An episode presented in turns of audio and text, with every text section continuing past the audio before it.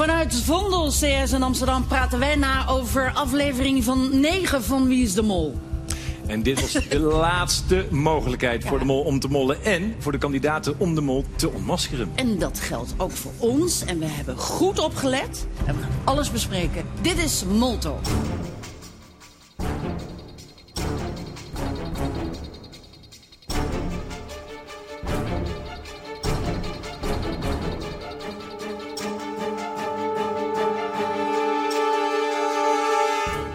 En welkom bij Trust Nobody, de podcast over wie is de mol met Nelleke Poorthuis. Met Mark Versteden. En met Elge van der Wel. Hoe gaat het, Mark? Het gaat, eh, het gaat goed. Ik heb water. dus het komt helemaal goed. En een Fisherman's Friend, zie ik. Wij zijn ook, Ja, dat was meer voor jullie. Ja, we zitten op afstand, gelukkig. Ja. Dus, Nou, als zo- in, volgens hij mij zit wel niet bij ons aan tafel, maar, maar op Ik- een twee meter afstand. Ik ruik Dus, geen eh, verschaald bier, dus het valt allemaal mee. Ik heb gewoon een douche. Voor, voor, voor mensen die geen idee hebben omdat ze uit Groningen komen, onder de rivieren in het zuiden is het, eh, is het carnaval dit weekend nog tot en met dinsdag. En Mark is wel een groot carnavalvierder, maar hij heeft tijd gevonden in zijn drukke carnavalschema om A, nog redelijk met zijn hoofd erbij Wie is de Mol te kijken en deze podcast te maken. Ik denk dat dit jaar is het me beter gelukt dan vorig jaar. Je ziet er frisser uit dan vorig jaar. Ja. Ja, dat klopt, zeker. klopt. Dus respect daarvoor. Nou, eh, dankjewel. Ik mis wel je molboekje. Ja, die eh, heb ik niet mee. Ja, Ik ga hierna meteen weer carnaval en dan ben Ja. ik hem zeker kwijt. Daarna. verstandig, verstandig. Ik heb wel dingen op mijn telefoon, dus Oh, dat scheelt weer. gelukkig. Anyway, laten we maar gewoon meteen beginnen. Want eh, ja, dit, dit, ik vind het heel moeilijk. Is dit nou de finale of is de Nee, volgende hebt- aflevering dit is de fi- finale? Dit is de finale. Volgende week is de ontknoping. Oké, nou.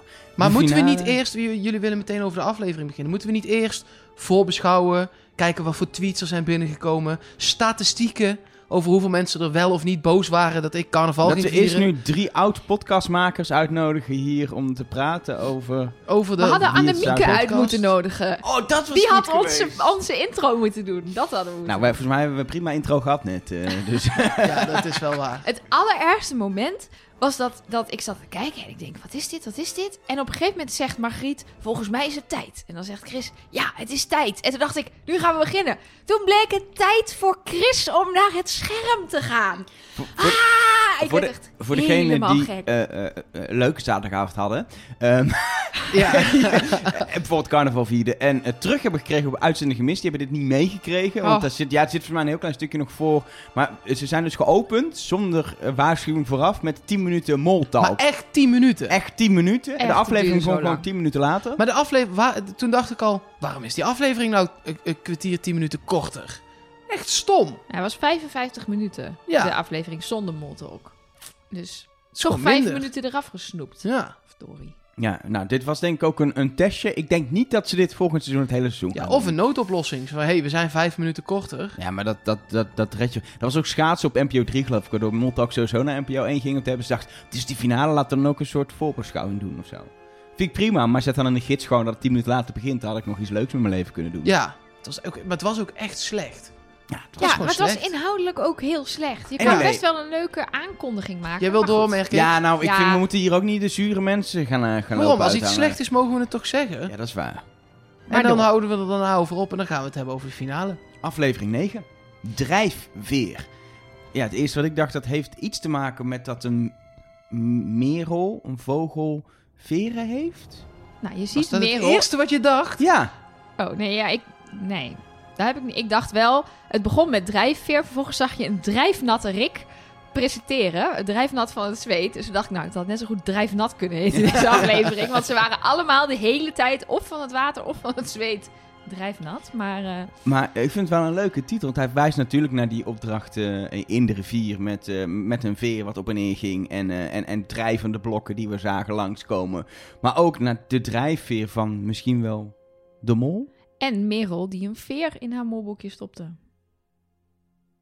Jullie kijken me echt heel raar aan. Die heb ik dan echt die gemist. heb ik ook gemist. Terwijl ze zaten te studeren, of in ieder geval bij dat stukje dat ze zeiden, ja, we, we stampen. En dan zie je, eh, Sarah zie je de jurk strijken. En dan zie je Merel zie je aan bloemetjes ruiken. En uiteindelijk gaat ze zitten en dan heeft ze een veer in de hand. En die stopt ze in haar molboekje als een soort herinnering, souvenirtje. Oké, die waren met z'n tweeën sowieso helemaal Woodstock, eh, de, de- deze aflevering. Ja, dat, die hadden het leuk. Die hadden het leuk. Ze liepen Oh. naakt rond, zeiden ze ook. Maar dat was heel raar dat dat dan niet in beeld kwam, vond ik. Nou ja, ik vond, ik vond het wel opvallend. Want volgens mij stond Sarah echt op het punt om de broekje uit te trekken. En Dat die had toen ook een echt een soort van... Oh, maar er oh ja, zijn maar er staat wel echt een cameraman echt pal voor me nu. Ik wacht wel even. Ja. maar het schijnt wel als je half naakt een keer in beeld gaat, dan word je uiteindelijk presentator. Want dat heeft Rick in zijn seizoen ook gedaan. Die komt een gegeven moment half naakt de douche uitlopen. Ja, met zo'n handdoekje gedrapeerd op zijn heupjes. en Ja, uiteindelijk ja. heeft het toch een presentatieklus opgeleverd. En mocht hij weer achter een wuivend plantje gaan staan. Mochten wij ooit meedoen, dan ga ik gewoon full nude zo er doorheen rennen. Maar heb je dat wel gezien, Mark? Dat Rick weer achter een wuivende plant stond? Ja, ik, ik, heb- zeker. En eh, gelukkig kreeg ik... Ik was niet de enige die het was opgevallen, dit hele seizoen al. Nee, we Alles- kregen inderdaad... Zo mooi, we kregen van iemand ook allemaal screenshots, toch? Uit, Ja, ja, uit alle afleveringen. Op, dat... eh, op onze Trust Nobody Cast eh, Instagram pagina. Echt, Mark, je bent niet alleen. En met echt 7, 8 screenshots van allemaal presentatieteksten van eh, Rick. Waar iets onscherp in de voorgrond heel irritant ervoor aan het wapperen was. Zou dit gewoon de artistieke vrijheid van de maak zijn? Of blijkt uiteindelijk daadwerkelijk een hint? Dat, ik zou niet weten wat de hint dan zou zijn. Ik ook niet. Ik vind het voornamelijk gewoon echt... Het leidt mij zo af. En ik denk dat zij het gewoon heel mooi vinden. Dat ze het gewoon inderdaad een artistiek shotje Ik, vinden. ik heb in ieder geval letterlijk opgeschreven, Rick heeft weer een plant in beeld. Zo heb ik het ook gewoon genoteerd. Ik denk, schrijf het maar op voor de vorm. Eh, eh, ehm, Rick staat nog steeds in eh Mata de Platano, de bananenplantage. Mata de Platano. Ja, het, Die ook. Gedoe. Daar stond hij ook. ja, hij stond daar ehm, eh, met zijn tekstje waarin die... eh, en dat was wel opvallend, dat hij eigenlijk voor het eerst in zijn tekst weer gewoon een keer zei... Wie is de mol aan het begin? Want heel vaak ging het over van alles, maar die vraag die kwam nooit meer terug. Maar nu was hij toch gewoon relevant zo aan het einde. Ja, maar dan, Ehm, hij omschreef het wel altijd. En dan zei hij wel wie de boel aan het saboteren is. Of iets in die strekking.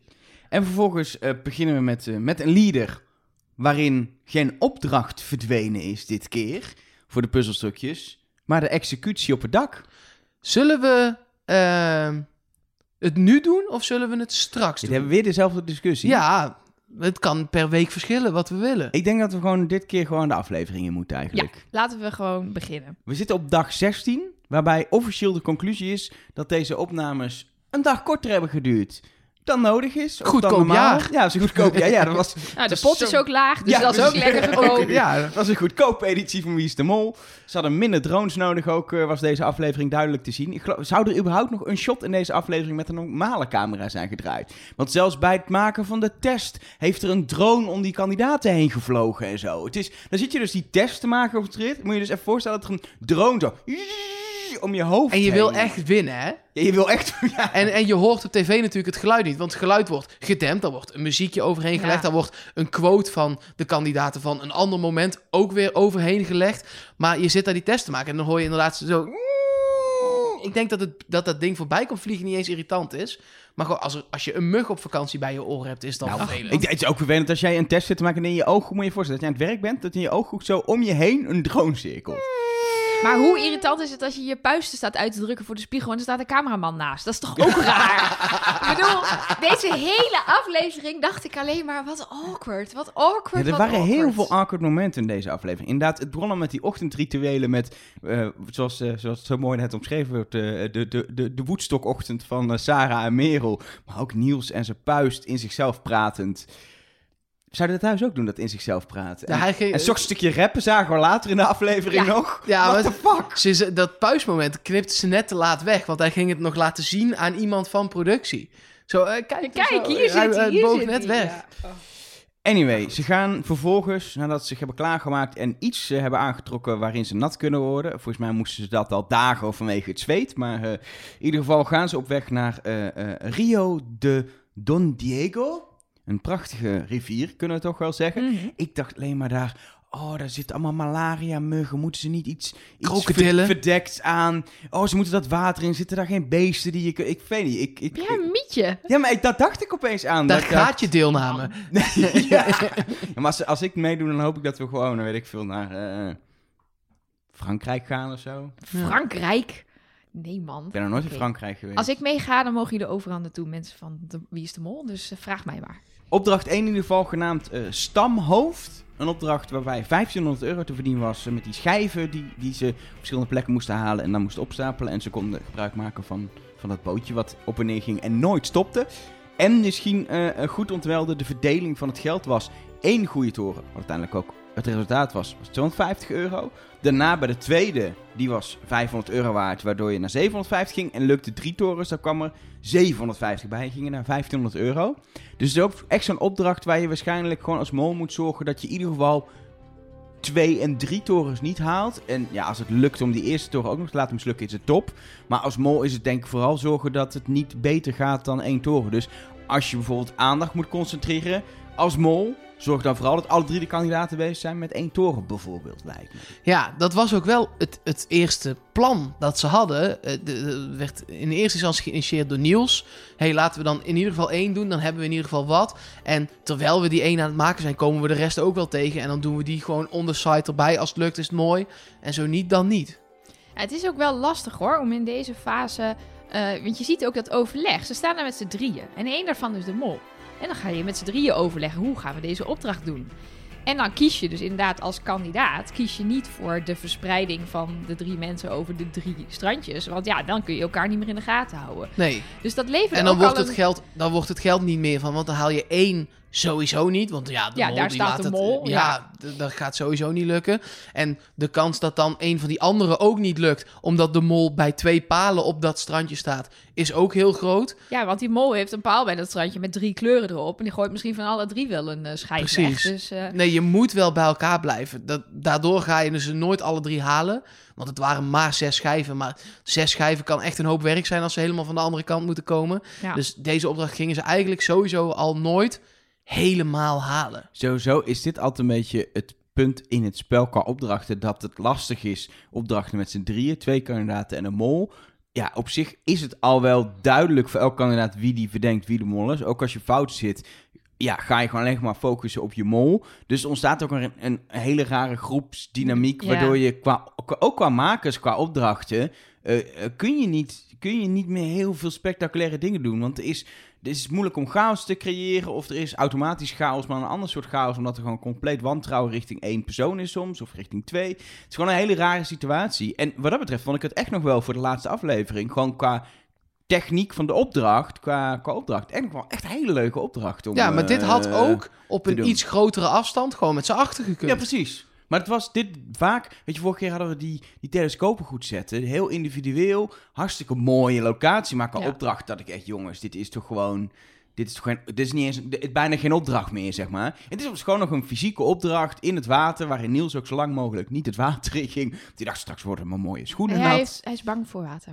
Ja, Ja, dat voor weten zwemmen we. en duiken. Mollen Ja, kunnen niet Ja. tegen water. ik, ik, ik, ik heb ook watervrees. Maar die rivier kun je Jij hebt ook staan. echt veel, hè? Ja, ik heb heel veel. Maar die rivier was ik... Ja, ik was misschien bang voor de beesten in die rivier. We gaan nog een keer een extra podcast maken over al jouw mankementen in het leven. Dat is echt drieënhalf uur. Ik, ik heb nooit goed wie de mol is. Ik heb heel veel angst. Eh, ik heb een relatie met Nellek. Heb je nog meer dingen? Oh, nou, lekker dan. Nee, dan hebben we het ergste wel gehad. Maar ehm, wat ik wil zeggen, het is een rivier, er zit wel een stroming in, maar je komt ah, helemaal in het midden tot je, tot je, tot je heup in het water. Ja, sorry hoor, dat, is, dat heeft niks met waterangst te maken. Daar is, dan kan je nog bang zijn voor beesten of zo, dat er krokodillen zijn, maar niet voor het water. Dat is echt onzin.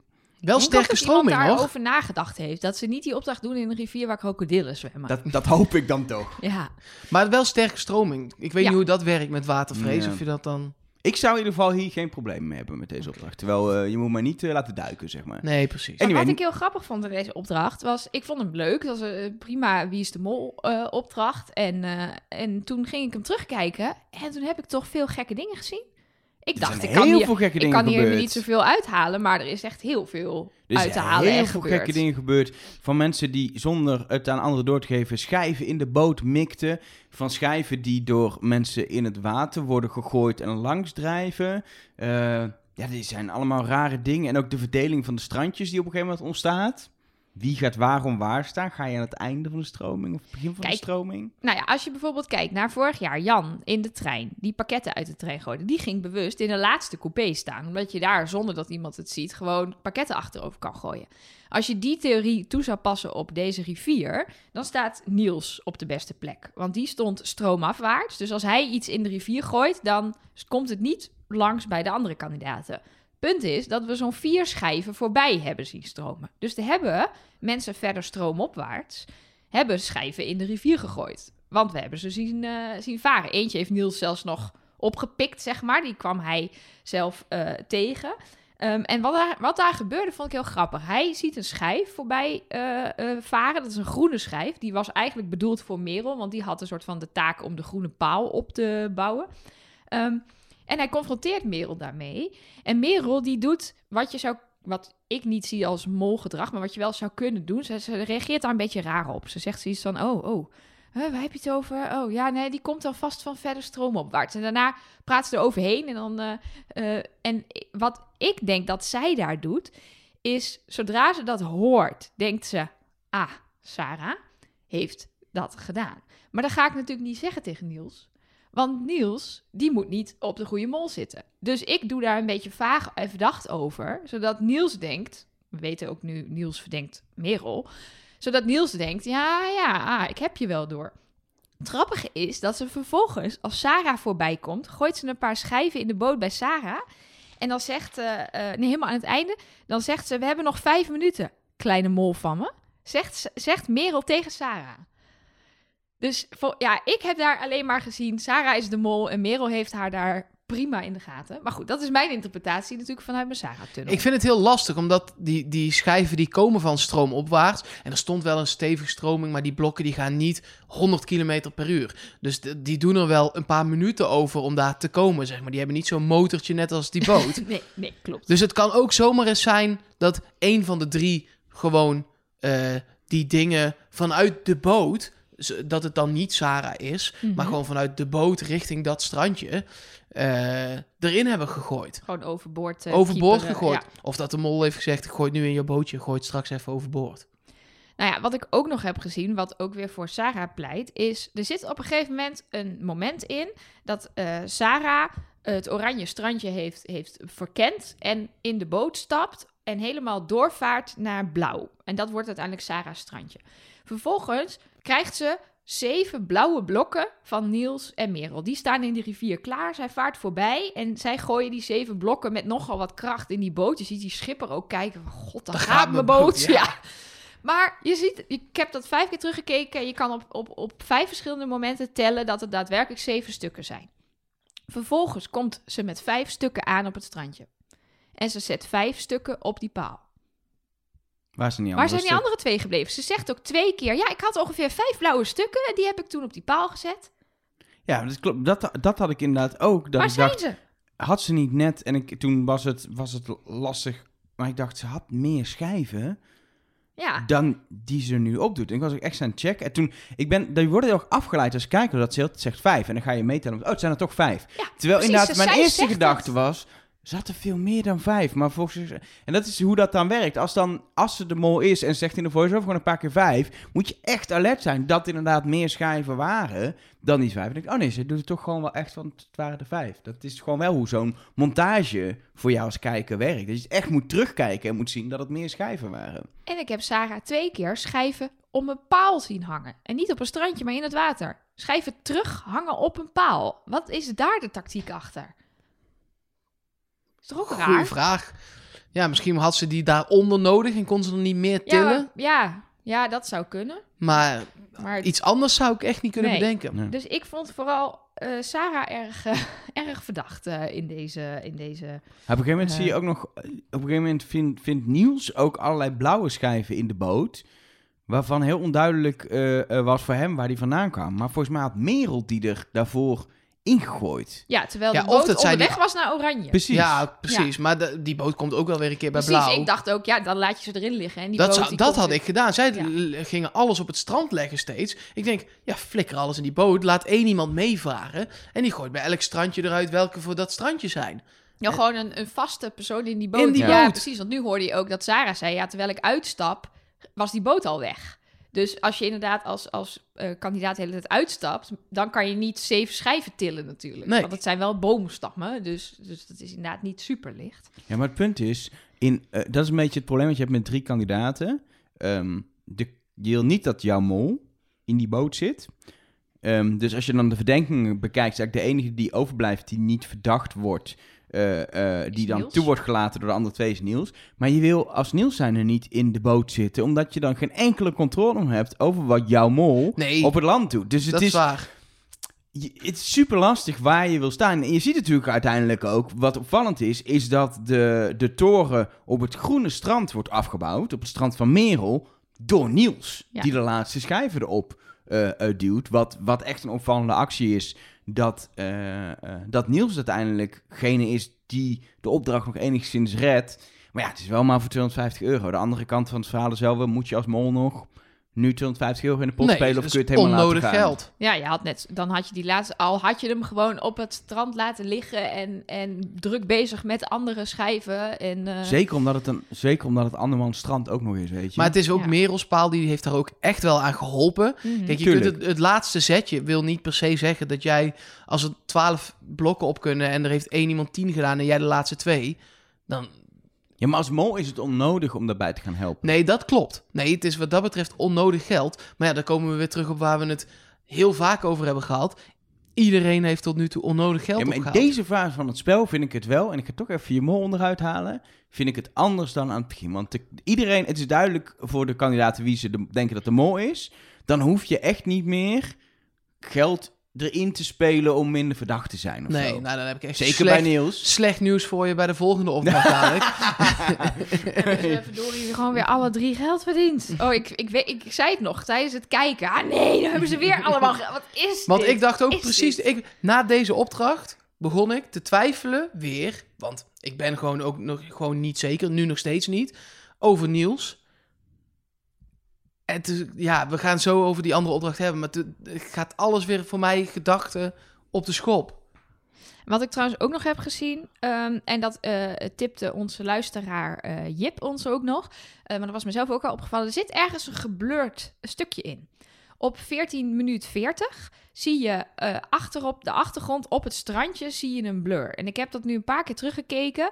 En eh, eerst dachten we, Jip zei ook, zou het een, eh, een, een molactie zijn die niet in beeld mag? Nou, maar dat, Dat zouden ze nooit niet. blurren. Nee, dat denk ik niet. Ook omdat ehm, daar niet echt iets is. Het is een soort tussenstrandje. Dus het is richting het Oranje Strand waar Niels staat. Maar het is niet het Oranje Strand. Het is het stukje waar hij ook overheen loopt ooit met die schijven. Is het niet gewoon een cameraman? Dat denk ik. Ik denk dat daar cameramannen stonden. Want ze hebben heel erg bij Wie is de Mol wel een ding dat ze, en dat doen ze heel knap, dat ze eh, de cameraman, et cetera, nooit in beeld brengen. Ja, bij aflevering 1, bij de opdracht met de kisten, stond er één in beeld. Ja. En dat valt het ook meteen op, Precies. omdat het nooit gebeurt. Ja. Stond er van bovenaf aan de brug eentje beneden linksonder op het strandje. Oh ja. Maar daarna inderdaad niet meer. Dus misschien was deze Ik wel... denk, mijn, voor mensen die het dus ook hebben gezien en die denken, oh, wat is dat? Eh, kunnen jullie daar meer over uitzetten of, Of geven een bij ons? productiewagen of eh, de cateringtafel. Nou, of, het, het eh, was wel klein, maar het zag er echt wel uit als een geblurde persoon. Eh, dus daarom, ja, dat zou Niels kunnen zijn die daar eh schijven wegflikkert. Maar ik denk dus een camera. Ja, maar dan pakken ze wel een ander shot. In ieder geval, 250 euro komt erbij. Pot komt op 9550 euro. Bijna over de 10. Nou, ik dacht nog, zou het gebeuren dat, er- dat het er niet meer bij komt, deze aflevering in opdracht 2? Die kans is best wel groot. En dat die gewoon onder de 10.000 blijft. Dat dacht ik nog even, maar dat bleek niet het geval. Wat ik wel opvallend vond, was de biecht van Sarah daarnaast. Die met een, nou toch een redelijke big smile daar zat. Lachend te vertellen dat de pot zo laag was. Maar we hebben wel een hele goede mol, zei ze er nog bij. Nou ja, Alsof ze het over zichzelf had. En ze zei, we zijn de laagste pot ever geweest. Ja, we waren de laagste waren pot ever. Ja, hè? Maar je bent toch nog bezig? Je weet niet wanneer de biecht is opgenomen, hè? Na de finale, misschien na de ontknoping, zeg maar? Ja, dat zou kunnen. Maar het, het was opvallend. Het was aan alle kanten een opvallende biecht. Ja, Klopt. Eens. Normaal doen ze wel na iedere opdracht. Tenminste, dat dat begrepen we eerder ook natuurlijk wel van... eh, Annemieke. van Annemieke, ja. die, eh, die eh, met ons een extra aflevering heeft opgenomen. Eh, dat ze dat na iedere opdracht wel echt eh, 20 minuten, een half uur met je doen. Ja, klopt. Dat het soms wel drie keer per dag gebiecht wordt. Ja. Ja. Maar misschien nu niet. Het zou kunnen. Ja, het- dat is wel raar, want je hebt juist... In het begin is het heel veel werk, omdat je heel veel kandidaten langs moet. zijn er nog drie. Dus dan moet je toch tijd vinden om even een biecht... ja, misschien was het juist dit biechtje dat dat, dat eh, toevallig een leuke zin was die in de laatste ja, precies. ooit is Die opgenomen. Die kan natuurlijk uit laat zijn en logisch om op dit punt eh, Ja. in de aflevering te monteren, omdat, eh, omdat die pot zo laag staat. Vervolgens krijgen we het gezellige cocktail drinken op het strand, wat ik ook een soort van awkward moment vond, omdat het voor mij voelde alsof Niels met twee mooie vrouwen op pad is en een beetje zo het, het broertje is wat daarbij is die op date is met twee vrouwen. Zo voelde het. op. Ja, het, maar was een hele awkward Dat setting komt met die ook- cocktails. het was ook helemaal geanceneerd, Ja. helemaal in scène gezet. Jongens, we willen graag een terugblik op dit programma. Eh, we moeten beelden laten zien. Er is geen derde opdracht. Er, er komt niks leuks achteraan. Er komt zo nog een, wel een opdracht, maar niet een derde of een leuke test of wat dan ook. We moeten even een terugblikje hebben, om, anders zit Moltalk aan het begin 25 minuten. Dat moeten we Dus, helemaal we niet moeten, hebben. nee, we moeten heel even het ergens over hebben. Maar ze doen, ze doen ieder jaar natuurlijk een terugblik met, met, met scènes van eerder in het seizoen en zo. Maar zo, dat, dat ze zo erover gaan praten. Jawel, maar dat zit heel mij- vaak in eh testbiechts. Ja, het wordt in ieder geval deze vorm. Dat het zo'n gesprekje was. Ja, en dat, dat- was jouw favoriet. Ja, precies. Dat, soort oh. vragen. Zeg, eh, wat eh, vonden jullie eigenlijk het hoogtepunt van dit seizoen? Nee, precies. Maar heel vaak doen ze dat met eh, de- de testvraag. En dan, eh, wat droeg de mol bij de opdracht uitvaren? En dan krijg je een Ja. cutaway naar de opdracht uitvaren. Ja. Dat, hebben, dat hebben ze heel vaak gedaan. Maar nu was het een soort inderdaad echt in scène gezet gesprekje, ja. Wat ik nog wel interessant vond aan dit gesprek... is dat het erop lijkt dat Merel nog steeds niet weet... wie nou die joker van Evelien Nee. gejat heeft. En dat Sarah daar op een zeer vakkundige wijze overheen praat... Terwijl zij en Niels natuurlijk donders goed weten wie dat waren... want dat waren zij met z'n tweeën. Ja, diefstal eh, loont. Dat blijkt maar weer uit, ja. uit deze finale. Nou ja, en ehm, wat ik nu ook in deze opdracht of in deze aflevering mij opviel, is dat Niels op dat moment Evelien verdacht als mol. En dat vind ik dan nog meer pleiten voor die actie. Dat je denkt, ja, ik jat een joker van de mol. Dat kan die mol echt niks schelen. En ook weer, weer verklaart waarom die zo overstuur was. Omdat hij denkt, oh ja, maar als dit een kandidaat is, dan heb ik wel iets ergs gedaan. Ja, wat ik nog wel interessant vond aan dat stukje is als Merel de Mol... Ze, ze weet het niet. Als Merel de Mol is, dan weet ze het natuurlijk wel, want dan is ze daarover gebriefd. Maar dan is haar status nog steeds naar de andere kandidaat toe. Ik weet het niet. Dus of ze weet het inderdaad niet, of ze heeft dit heel goed geacteerd. Ja, Het is heel slim om dan te laten weten... jongens, ik weet echt niks. Ja, maar... Als je dat nu nog heel even opgooit... Ja, maar het is wel dan een... bevestig je nieuws Ja. nog even zo van ik ben het niet, want hij zit op Merel. Kun je, kun je hem misschien nog even een beetje aan het wankelen krijgen? Zou dat, zou dat, ja, zou... Aan de andere kant, ik vond het niet geacteerd overkomen. Nee, maar zo. dat heb Het ik voelde dus- heel oprecht. Daarom denk ik Sarah dus ook overigens ook, Merel want die zit ook want op ik heb Merel. zoveel van dat soort momenten van Merel... dat ik denk, ja, of dit is echt ijzersterk geacteerd... maar ik geloof het gewoon. Ik, ik denk dat dit Ik geloof in ieder geval het. RTL Nieuws nooit meer als eh, blijkt Nee, dat ja, zij eh, alles aan elkaar geacteerd nou, hier, heeft. daar, daar komt mijn theorie weer om. de de hoek. nieuwslezer. Nee, maar ik heb dat echt, ik zie haar nu al af en toe en dan denk ik... Ja, maar dat is helemaal niet zo erg in China. Want, dat, dat, dat kan helemaal niet. Nee. Eh, hadden jullie verder nog dat opvallende dingen waren in welke opdrachten ze kozen als terugblik? Want, want eh, eh, Merel koos het abseilen, Saga de vlag uithangen en Niels het Russisch roulette. Nou, wat me wel opviel bij het vlag uithangen... was dat ehm, ik vond die bevolking wel leuk... maar niet overdreven meehelpen... in hoe ze het in beeld hebben gebracht. En nu zag je wat andere beelden... Waarbij er dus veel meer mensen aan die waslijn stonden te sjorren. En ook een groot applaus en gejoel. En nu snap ik ook wel beter waarom me- meerdere mensen hebben al gezegd dat ze die opdracht zo fantastisch vonden. Terwijl ik het alleen maar dacht, oh, dan moet je bij die mensen de gordijnen van de muur gaan halen. Wat, wat gênant. Maar blijkbaar was het hele dorp uitgelopen. Ja, blijkbaar waren ze dus allemaal ook heel blij en behulpzaam. En vonden ze het allemaal heel leuk om mee te doen. En stond Truus en iedereen zijn moeder daar eh, gewoon alles op te bouwen. Ja. Hebben ze eigenlijk zelf niks hoeven doen. Nou ja, en de kleuren van die opdracht kwamen weer terug in de volgende opdracht. In de kleuren van de draaitafel. Dat viel me dan wel weer op. Er was een rode, een gele en een blauwe Ja, dat komt- draaitafel. Dat zijn de kleuren Ja, dat- van de vlag dat van Colombia. Ik, Elge van der Wel. Alleen, Oeh, met dat achternaam. viel me nu weer op. ja, dan weet je, dan is ze pissig, hè. Dan is ze pissig. Mag ik nog, Ja. nog één ding zeggen? Want Je dat is toch, ik heb het opgeschreven, dus ik moet het delen. Als het achteraf iets blijkt, heb ik het in ieder geval gezegd. Dan kan ik, dat, kan ik ook iets claimen over dit seizoen, wat ik goed had. Ehm, bij die eerste opdracht, ze, ze, ze blikken namelijk eerst terug op het begin met de kisten, et cetera. Ehm, daar zie je eh, heel bewust de scène, die we toen ook al hebben gezien, met die rups in beeld. Daar En heb ik een theorie over. Ik dacht wel, dit is het moment waarop de mol zich nog moet ontpoppen. Daar is het nog een rups. Nou, zal ik dan meteen even terugpakken op het aluhoedje? Want Merel heeft gezegd dat Sarah een rups is als mol. Merel heeft vorige aflevering, of die aflevering daarvoor, heeft zij gezegd... Sarah is een rups die zich ontpopt heeft tot vlinder. Een hele grote transformatie van een hele zenuwachtige mol tot een zelfverzekerde mol in de rol van haar leven. Dus ja, ik dacht zijn meteen... er ook vlinders in beeld nou ja, geweest. ik dacht, met- ik dacht dit voordat ik die rups had gezien. Dacht Toen ik al... Toen zag je die rup, toen ging je verder Nee, je ja, voor- tunnel in. Nee, ja, nee, voordat ik die rups had gezien, dacht ik al... hé, hey, we hebben in aflevering 1 een rups gezien. Misschien is dat een hint. En nu kwam die zelfs nog weer terug. Nou, hè? Opdracht Dus. 2. Doordraaier. Ja, ik vond dit heel leuk. Ik vond dit zo'n rare opdracht en zo'n awkward setting. Waarom? Omdat die, ja, die Nou, dansende de mensen setting- op de achtergrond. Nee, dat was dat Maar ook- had niet ik vond, gehoeven. ik vond het een, ik vond het een, eh, ik vond het een hele leuke opdracht op zich. Alleen ik vond het een heel erg uit de toon wie is de mol opdracht. Ik vond hem daarom juist heel leuk. Een keer helemaal over een andere boeg. Ja, nee, dat klopt. Dat is, eh, het deed me een beetje denken wat dat betreft aan, eh, aan vorig jaar die, die, die car wash. eh, Ja, die dat? karaoke. karaoke opdracht. Karaoke, Met dat, ja. met het, dit was ook een hele rare opdracht. Ja, en dit klopt. is ook weer een... Dit, Een vind ik, dit was muzikale meer, We gaan het opdracht. straks nog wat langer hebben over de Belgische mol. Maar dit zou echt een goede opdracht zijn in de Belgische mol. Ja, dit, daar vond ik hem veel meer passen. Bij België doen ze veel meer dit soort hele... Dat is, ja, rare eh, sociale opdrachten. Het deed mij een beetje denken aan, op een of andere manier, dat komt misschien ook door de alcohol, aan vorig jaar in de Belg moesten Baha en Lloyd moesten shotjes tequila of shotjes water nemen. Die moesten vragen beantwoorden.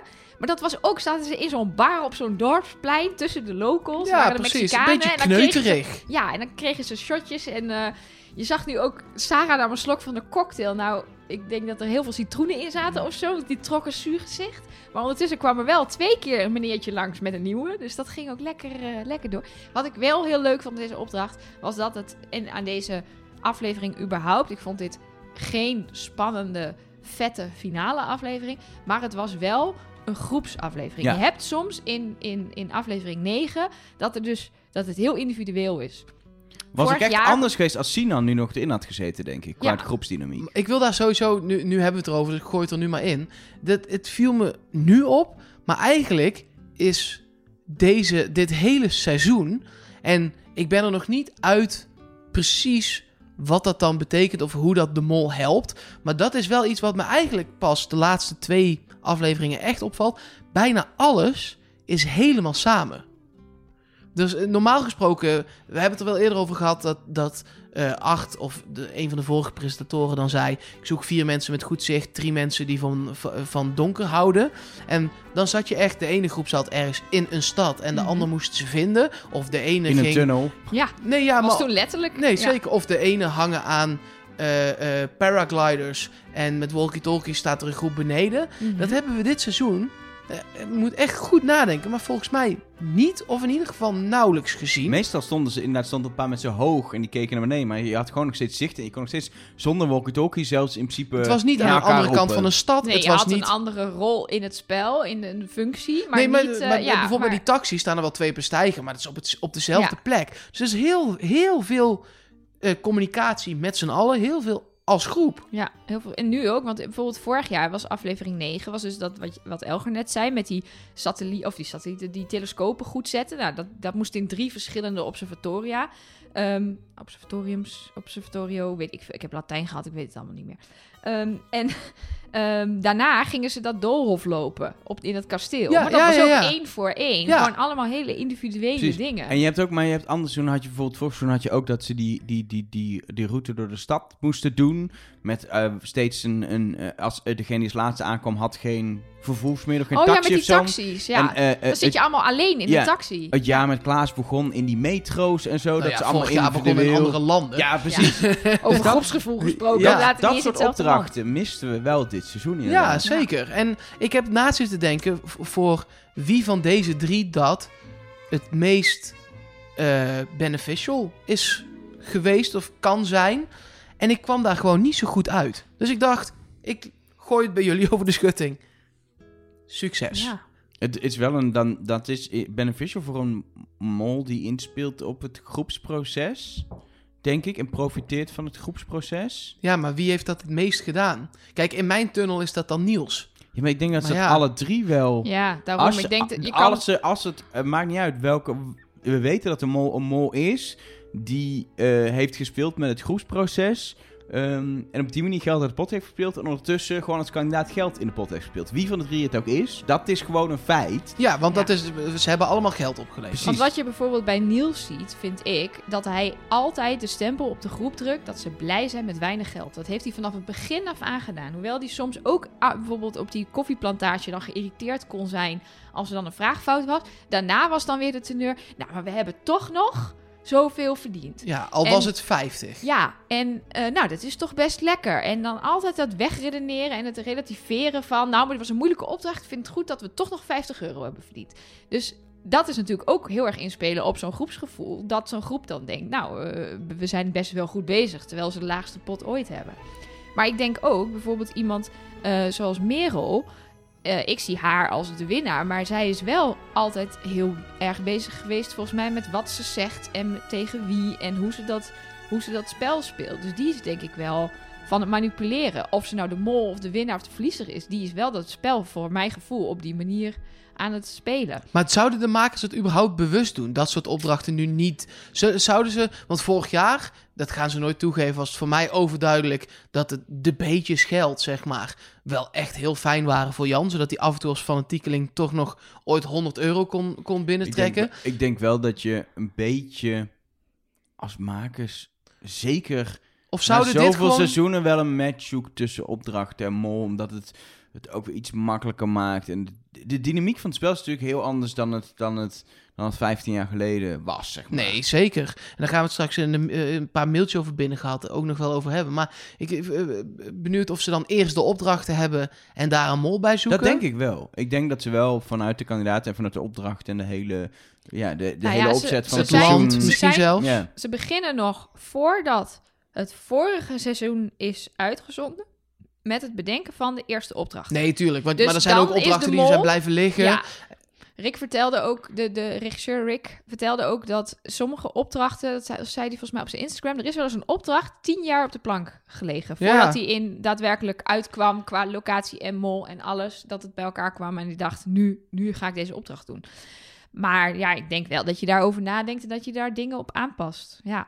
Maar ja, bij deze drie kan het volgens mij bij alle de drie passen. Dat is het irritant aan dit seizoen. Ja, Elke want nu keer als we iets ze- bedenken, dan kom je geen stap verder. Nee, want nu stonden ze ook weer met z'n drieën naast elkaar. Hebben we net eigenlijk geconcludeerd dat Sarah het allermeest verdacht was van allemaal in die eerste opdracht. En nu bedenkt ze het idee om die laatste twee platen in elkaar te mixen.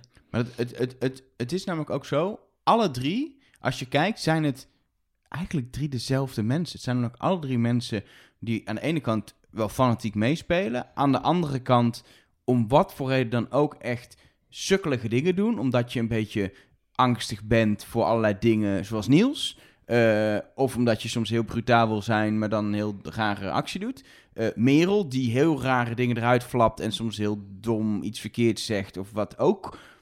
Beetje raar. En Sarah heeft precies hetzelfde. Dat ze opeens blijkt ze dyslectisch zijn of, of roept ze iets dom. En een keer daarna gaat het heel goed. Alle drie hebben ze datzelfde profiel. Een beetje met een andere insteek. eh, Afhankelijk van hun karakter. Maar als je het, als je het zeg maar destilleert, is het allemaal hetzelfde soort gedrag wat ze.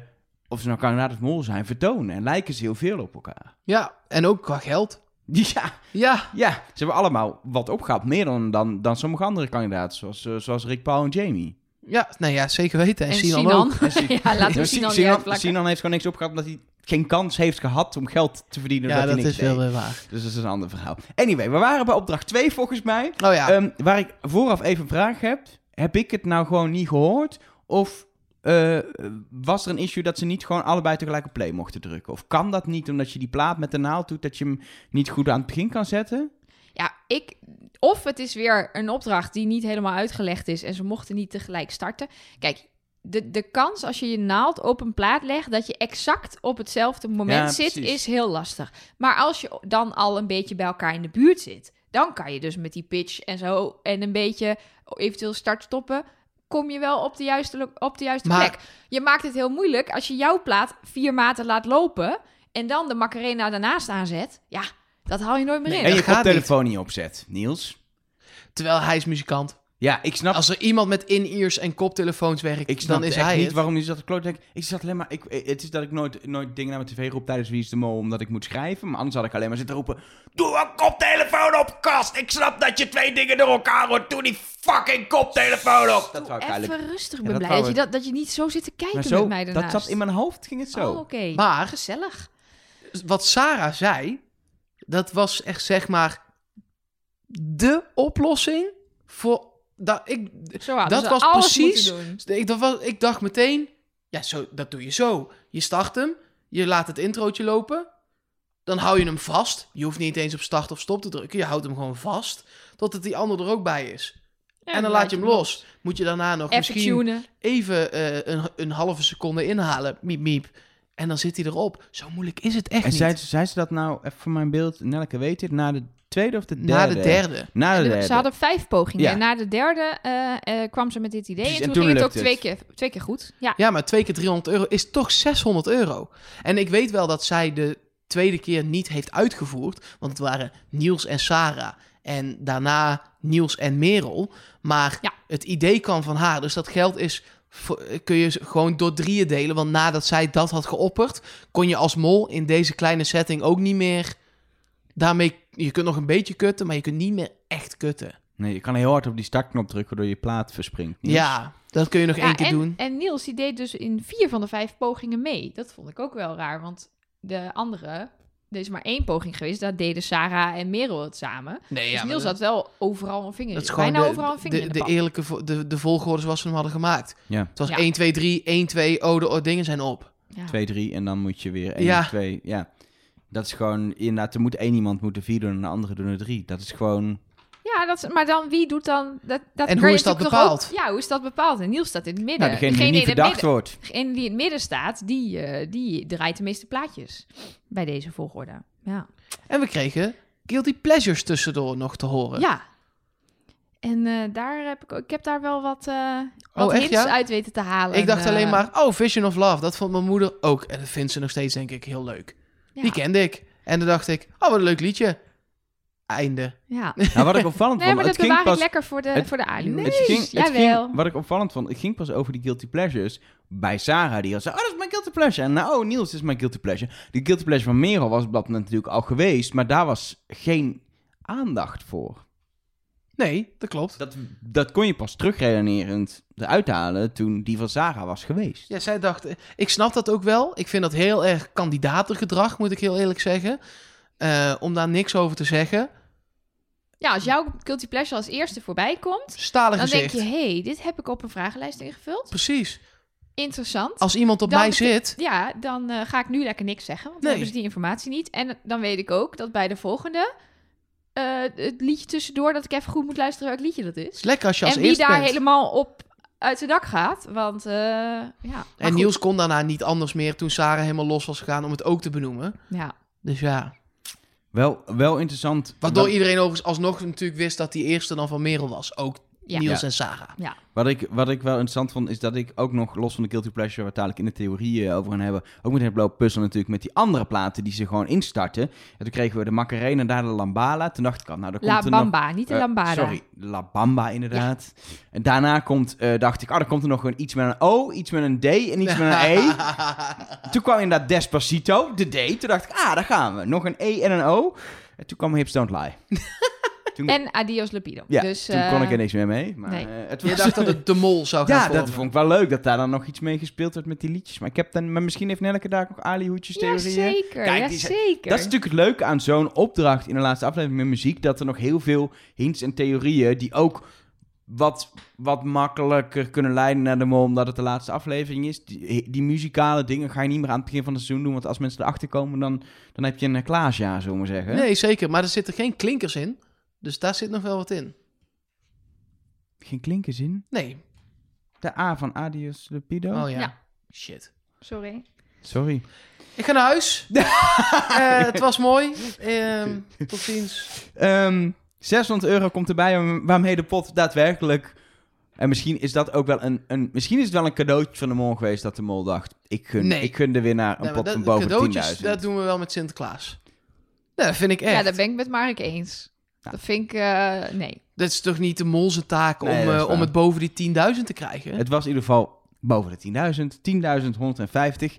Waarna we, en dat vond ik wel mooi, even nog lekker kort, maar wel een mooi overzicht kregen van, van eigenlijk de locaties waar dit seizoen zich heeft afgespeeld.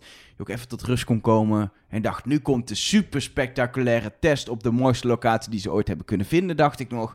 En toen zaten we op een weiland met een boom. En koeien. En koeien. Daarvoor moet je dus blijkbaar naar de andere kant van de wereld. Voor een wei met koeien. Ja, dag 17, Dibula. Daar waren we. Was dat in de buurt van de kust? We hebben oh, ik eigenlijk heb er niet eens idee, meer hè? naar gekeken.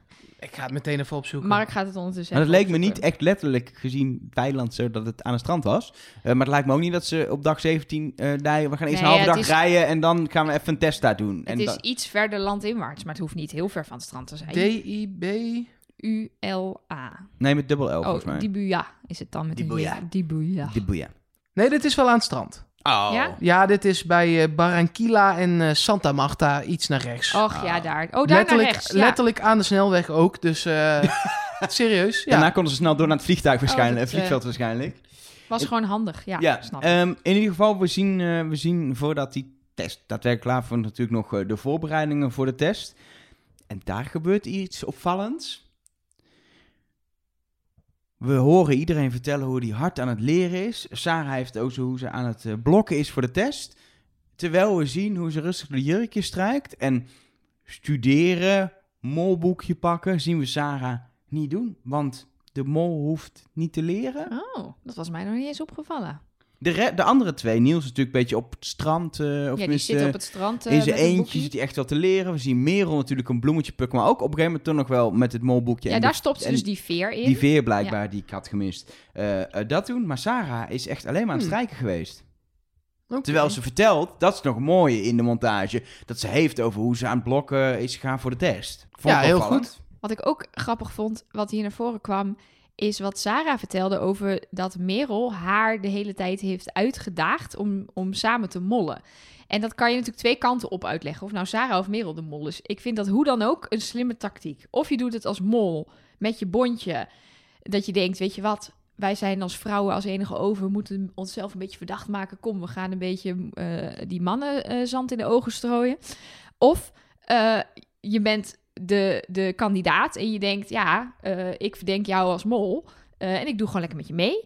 Ik eh, ga eens even peilen wat, er wat er dan gebeurt en ik hou je in de gaten. Dus ik vond het wel... maar Sarah, Sarah ziet dat natuurlijk als, ah, Merel is de mol. Ik zie dat vanuit mijn Sarah-tunnel als, ah, Sarah is de mol. Het is, wel, het is wel gevaarlijk, omdat ze een redelijke twee-eenheid waren op een gegeven moment dat ze als vrouwen over waren. En wat je wil als, ehm, als, als kandidaat, als je op een gegeven moment overtuigd bent van wie je mol is, dan wil je ervoor zorgen dat de kandidaten zo ver mogelijk weggaan van jouw mol. Dan wil je de rest van die kandidaten, eh, wil je, wil je, ja, die wil je op andere gedachten brengen.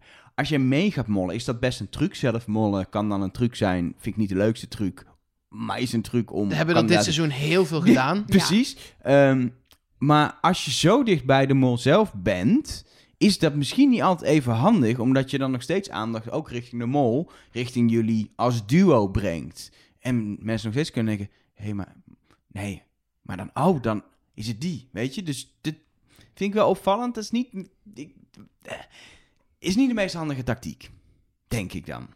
Ja, weet ik niet. Ik, ja, ik vond het juist wel slim.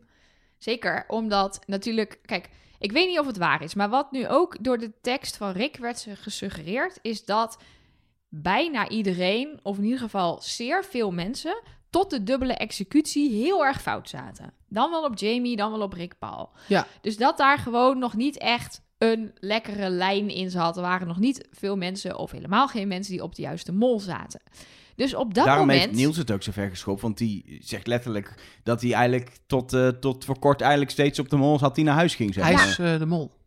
Oh, daarom heeft hij het zo Ja. ver geschopt. Ja. Maar dan, eh, als jij dus weet dat bijna iedereen op die mannen zit, de, Jamie en Rick Paul en zo verdenkt, dan kan je volgens mij prima een beetje de aandacht naar de vrouwen trekken door rare dingen te doen. Maar goed, dat, dat, als je natuurlijk, dit, dit gesprek gaat twee kanten op. Dan wel je, je denkt dat Merel de mol is, dan wel Sarah de mol. En dan, ja, Daarom ben Dan ik leg je stil. Ik denk dat Niels ja. de mol is. ja precies. Dus dit voor jou gaat is aan dit mij niet totaal boeiend. voorbij. Anyway, daarna komt het moment dat de test wordt ingevuld en dat eindelijk helemaal duidelijk is voor het eerst dit seizoen wie, wie nou verdenkt. En het is duidelijk. Merel zit op Sarah. En Sarah en Niels zitten allebei op Merel. En dan is mijn eerste vraag die ik heb, Mark. Wordt het de eerste mol die niet verdacht wordt? Of heb je het fout? Goeie vraag. ja, wist ik het maar. Nee, ik, ik, ik hoop nog steeds wel dat hij het is. En dat hij echt de groep zo heeft weten te bespelen... dat niemand hem door heeft gehad. Maar groeide jouw twijfel toen duidelijk werd wie wie verdacht? Nou, mijn twijfel is al immens. dus dat, dat- nee, nee. Omdat, eh, maar dat heeft precies als reden dat blijkbaar dus inderdaad tot twee afleveringen terug nog niemand goed zat. Ehm, dan is het daarna zo moeilijk, zeg maar, voor wie dan ook om nog op de goede mol te komen in die laatste paar Of- afleveringen. Of in ieder geval dat mensen nog wel misschien wel goed hadden, maar in een spreiding. Want daar ging natuurlijk ook in de Ja. tekst van Rick over dat mensen Ja. gewoon best wel lang gespreid hebben. En- Omdat het gewoon blijkbaar niet zo duidelijk was voor de mensen wie Precies, was. dus ze moesten na die dubbele executie een keus gaan maken. Dat Ja. is best wel, Ja. dat is denk ik echt voor de hele dynamiek van verdenking van het spel. De, het, het moment in het seizoen dat die dubbele executie ook was, is perfect geweest. Van 6 naar 4 maakt, heeft die hele dynamiek, dat merk je ook in de aflevering, maar ook überhaupt in verdenkingen. Het is opeens, shit, er zijn nog vier, ik moet het nu weten, eh, eh, mijn verdenkingen zijn naar huis. Alles ging drie keer over de kop Ja, op dat moment. Nee, zeker. En ik voel me daardoor ook, ik voel me een beetje als een haperend cassettebandje. Maar daar, je kunt Niels daardoor niet afschrijven. En ik heb ontzettende twijfel, maar die heb ik bij die andere twee ook. Want dan zie ik Sarah upsilent naar beneden komen eh, bij- die waterval. En die pakt samen met Merel, met z'n tweeën, pakt ze 750 euro. Ik zie Sarah weer eh, gisteren dat idee opperen om nog 600 euro binnen te halen. Merel komt met 250 euro terug bij die laseropdracht. Ze hebben allemaal dat soort shit uitgevoerd. Nee. En daarom, ik wil, ondanks dat zij allebei niet op nieuws zitten, de andere twee, ja, ik schrijf hem toch nog steeds niet af. Maar dat is ook, ik, ik, ik, ik, voor mij was het wel een extra dingetje om Niels af te schrijven dat hij niet verdacht wordt. Maar ik geef niet mijn hand in het Nee, vuur precies, zeker dat heb het ik ook. Niels niet is. Maar eh, eh, eh, eh, nog minder ben ik nu zeker over, over het Sarah of Merel is, zeg maar. Het is nog 10% zou het Niels kunnen zijn. En het is bij mij echt dat ik Merel of Sarah... Is nog uh, 45, Maar het 45. zou voor het eerst in de geschiedenis zijn dat de mol niet ontmaskerd Als het is. Niels is, ja. Als het Niels is. Zou wel een, ik zou het wel eigenlijk stiekem de tofste ontknoping vinden van dit seizoen. Eh, eh, juist ook vanwege het geld verdienen in de mol, dat ik dan denk, dan, dan eh, we, hebben eerder die discussie gehad van als mol heel weinig geld verdienen of niet verdacht worden. Laat het dan alsjeblieft een mol zijn die dan niet verdacht is. En toch nog dat we gaan zien Ze allerlei hebben allemaal nu ongeveer even... Ik heb het schema nu goed, echt goed bijgewerkt thuis. Ze, ze- het scheelt elkaar allemaal niet super veel meer. Maar dan gun ik het, dan, gun, dan zou ik het leukste vinden als het Niels is. Omdat hij dan wel gewoon het heel goed stiekem heeft gedaan. Hij, Dat staat we nog, hij heeft wel waarschijnlijk- het minste binnengehaald van alle drie. In mijn schema. Ja, in jouw... ja, in mijn schema is het... eh, ja, ook trouwens ook Niels. Ja, en Merel dan wel, wel met een grotere afstand tot de rest het meest. Maar ja, Er is één heel raar ding aan de test. vertel. En dat is een ding waar bij mij best wel weer een alarmbel is afgegaan bij één kandidaat. Die al vaker alarmbel heeft laten afgaan door bepalende acties die ze doet in het spel. Oftewel Merel. Merel, Goede inleiding voor Me- Oftewel, Merel. Ja, ga verder. ja, denk ik, bouwt een beetje op ja, de spanning nog. spannend. Ik maak het spannender Vertel dan de nou. aflevering was. Merel, die vertelt dat Sarah haar bordje pakte in het laserlabyrint. Hoe weet Merel dat? Dat was meteen wat ik dacht. Is dat molkennis? Of hebben wij iets niet gezien dat ze uiteindelijk met dat bordje naar buiten is gelopen? Dat bordje is voor mij altijd een ding geweest dat ze super grappig zijn. Als, als dan horen we in de laatste aflevering. Je had er kunnen weten dat de mol was, want ze pakte de eigen naambordje zelfs in het laserlabyrint. Volgens mij was het ook volgens mij de bedoeling van Sarah. Volgens mij is ze echt, denk ik nog steeds, als ze de mol is, is ze. Wou ze niet vallen, maar wou ze met dat naambordje naar buiten komen? Maar is ze uiteindelijk toch nog met dat naambordje naar buiten lopen Maar- en weet Merel het daardoor? Als je de mol bent en je wil met dat bordje naar buiten komen, klik ze die zo toch weer op groen. Maakt toch allemaal geen reet uit. Ja. Of ja, Ik, ik denk ook wel dat ze dan weer zo eerlijk zijn dat als je valt, val je. Ook als mol. Dat is het spel. Ja, dat, dat hoop ik eigenlijk ook wel, ja. Dat je ook al, als je wil saboteren, maar het lukt gewoon niet omdat je de opdracht niet goed uitvoert, dan, ben, dan, Dan, is is het ook pech. klaar. Ja. Of dat bedacht ik me ook nog. Ze hebben het er in hun Woodstock-nachtje bij een kampvuur. Maar waarom Nou ja, ga je vertellen dat je het bordje pakte? Of, Nou ja, ik heb, hier, ik heb hierover nagedacht en ik heb volgens mij drie of vier mogelijke manieren waardoor Merel dit zou kunnen weten. Eén, ze is de mol. En ze heeft het van de productie de beste gehoord. theorie. Maar waarom zouden ze dat dan in de aflevering stoppen? Als een, als een aanwijzing? Ja, Zou kunnen. Gewoon zo van, je voor had de het kunnen oplettende weten. kijker, voor de want ze heeft info die, ze, die ze als kandidaat niet kan hebben. Het de Mogelijkheid- laatste aflevering, hè? dus dan kunnen Ja, dat dat soort dingen er wel mee in zitten. Mogelijkheid 2. Je ziet niet haar daadwerkelijk terugkomen bij de groep, maar je ziet haar wel weglopen van het labyrint met het bordje in haar hand. Ze heeft het niet weer teruggelegd, in ieder geval Nee, van wat wij is hebben zeker. gezien. Ik heb de aflevering teruggekeken, of die opdracht teruggekeken. En ik heb alle shotjes bekeken dat ze weer met een groep bij elkaar zijn in dat kamertje naast het labyrint. Om te kijken of ik daar dat bordje zie liggen of dat ze het vast heeft. heb ik niet gezien. Maar dat zou kunnen. Dat het kan zijn dat ze daar binnenkomt met het bordje en hem dan Ja. weglegt. Mogelijkheid nummer drie. Wat, Niel, wat Mark net zegt. Ik noem je Niels, dat is wel heel raar. Oh, Voel me sexy als ik dans. Oh, Oh, oh, oh. nee, dat, laten we het maar Niels bij Niels. wat vals ook. Mogelijkheid drie is wat Mark net zei. Dat ze inderdaad in hun Woodstock momentje het aan elkaar hebben verteld. Wat ik namelijk ook nog... Want ze hebben namelijk ook hun vragenlijst met elkaar gedeeld. Ze verdenken elkaar natuurlijk. Dus ze willen ook zoveel mogelijk informatie van elkaar hebben. Ehm, dus ja, weet je, of dat dan handig is als mol waarom om dat vertel te vertellen. Oh, je pakt daar dat bordje. Ja, dat is heel raar om te vertellen. En mogelijkheid 4. Het zou in de test kunnen hebben gezeten. Als vraag. Ah, pakte de mol. Pakte de mol geld, zoveel geld, of haar, zijn of haar naambordje? Wat me nog wel, wat ik met terugwerkende kracht ook bedacht is... ehm, dat eigenlijk alleen die eerste optie... eh, sorry, de eerste optie was de mol. De, Ja. de, de, tweede, tweede optie, dat, zou, dat is nog soort van reëel. Omdat Sarah ging niet als eerste. Ze had al mensen met geld terug zien komen. Dus het was gewoon echt zo'n domme actie... dat ik echt denk dat ze met bordje terug is gewandeld. Nee, maar ze, ze, ze komen niet bij de groep weer terug, toch? Ze komen Jawel. Wel? Ze Ja, kwamen met gewoon geld. weer bij elkaar. Juichend ja, en dan- en, eh, Precies, en dan lieten ze zien... Daar zit dat moment dat Evie zo de ene na het andere biljart uit haar trui Ja, trekt. Zij was precies. als laatste en ze had al toch nog geld binnengehaald. Dus het is Ja. of wat jij zei dat ze de mol is en dat ze dat heel graag wilde laten zien. Of ze was gewoon kandidaat en ze dacht ik ga even fucken. Maar het kan niet dat ze het niet snapte, want er waren mensen voor haar met geld toch? Ja, ja, ja. ja. Het is, Ja. het is in ieder geval voor mij wel weer zoveelste alarmbelletje bij Merel. Terwijl heel mijn eventueel theorie Merel is de mol is gebaseerd op allemaal dit soort dingen. En niet op molacties. Allemaal Nee. dingen die... Zoals ze het in het Engels niet- noemen, circumstantial evidence. Precies. Ja. Dus dat is, dat is gewoon ding. Dat Dat is ik vast ook een. Nederlandse term voor, maar kom er even Hebben jullie nog Dingetjes. iets, heb je nog iets eh, gehaald uit de hele test invullen en de biechten die daarbij eh, kwamen? Eh, ja, nee, ja, dat Ik zie dus een leeg plaatje bij Nee, Nelke Ik in zie inderdaad echt... eh, nee, niks. Nee, sorry. Nee nou, eh, straks gaan we eh, eh, onze allerlaatste nou ja, duit in het zakje doen over wie wij denken dat de mol dan is. Maar laten we het eerst nog heel even hebben over... De teksten van Rick?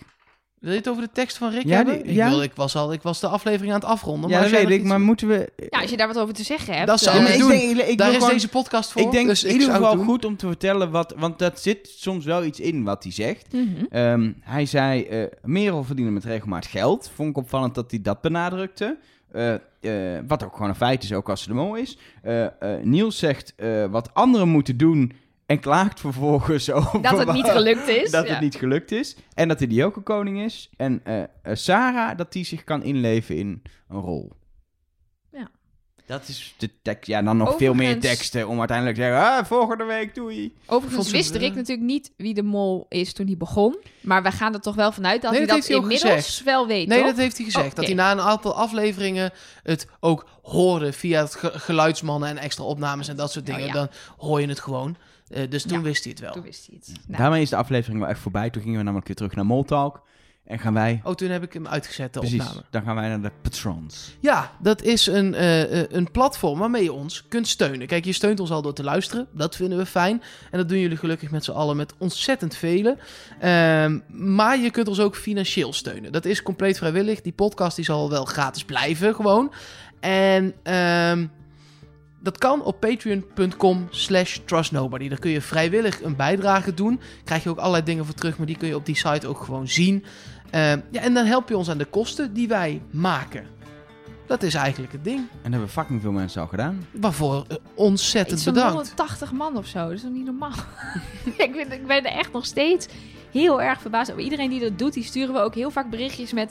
Wat tof dat je ons steunt. Maar dat vinden we ook Is ook echt. zo, ja. Het is echt, ja, mensen waarderen blijkbaar wat we doen. En dat voelt echt gewoon heel goed. Ja, en we, je krijgt dus gewoon ook een boekje en appjes en dat soort dingen. En Dat is ook stickers gewoon, en dus extra Het is ook wel echt leuk. en- ja. ja. Nou, zal ik gewoon een nieuwe patrons Ja, want dat is een van de dingen die je ervoor kunt krijgen. Die bij- krijgt iedereen. Ja, Die krijg je precies. altijd, van van wordt 1 dollar tot 10 dollar. Dat is het meeste dat je per maand kunt. Nou ja, je mag ook 1000 dollar per maand geven. Zou ik niet doen. Eh tientje is de hoogste tier, de hoogste traptreden. En dan ga jij nu, maar wel, het is de finale, hè?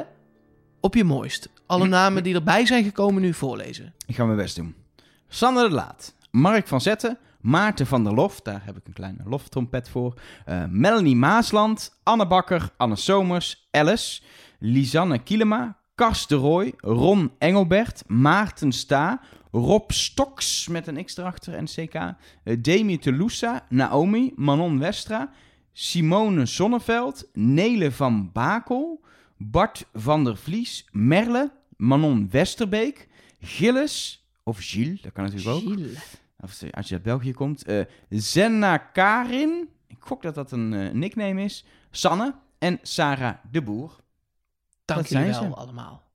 Eh, nou is het zo, we hebben het vaker gehad. Kijk, wij kunnen dit, wij gaan dit stopzetten als we stoppen met Podcast maken. podcast maken over Wie is de Mol. Dan zetten we het volgend jaar weer aan. Dus daar hoef je in principe niks aan te doen.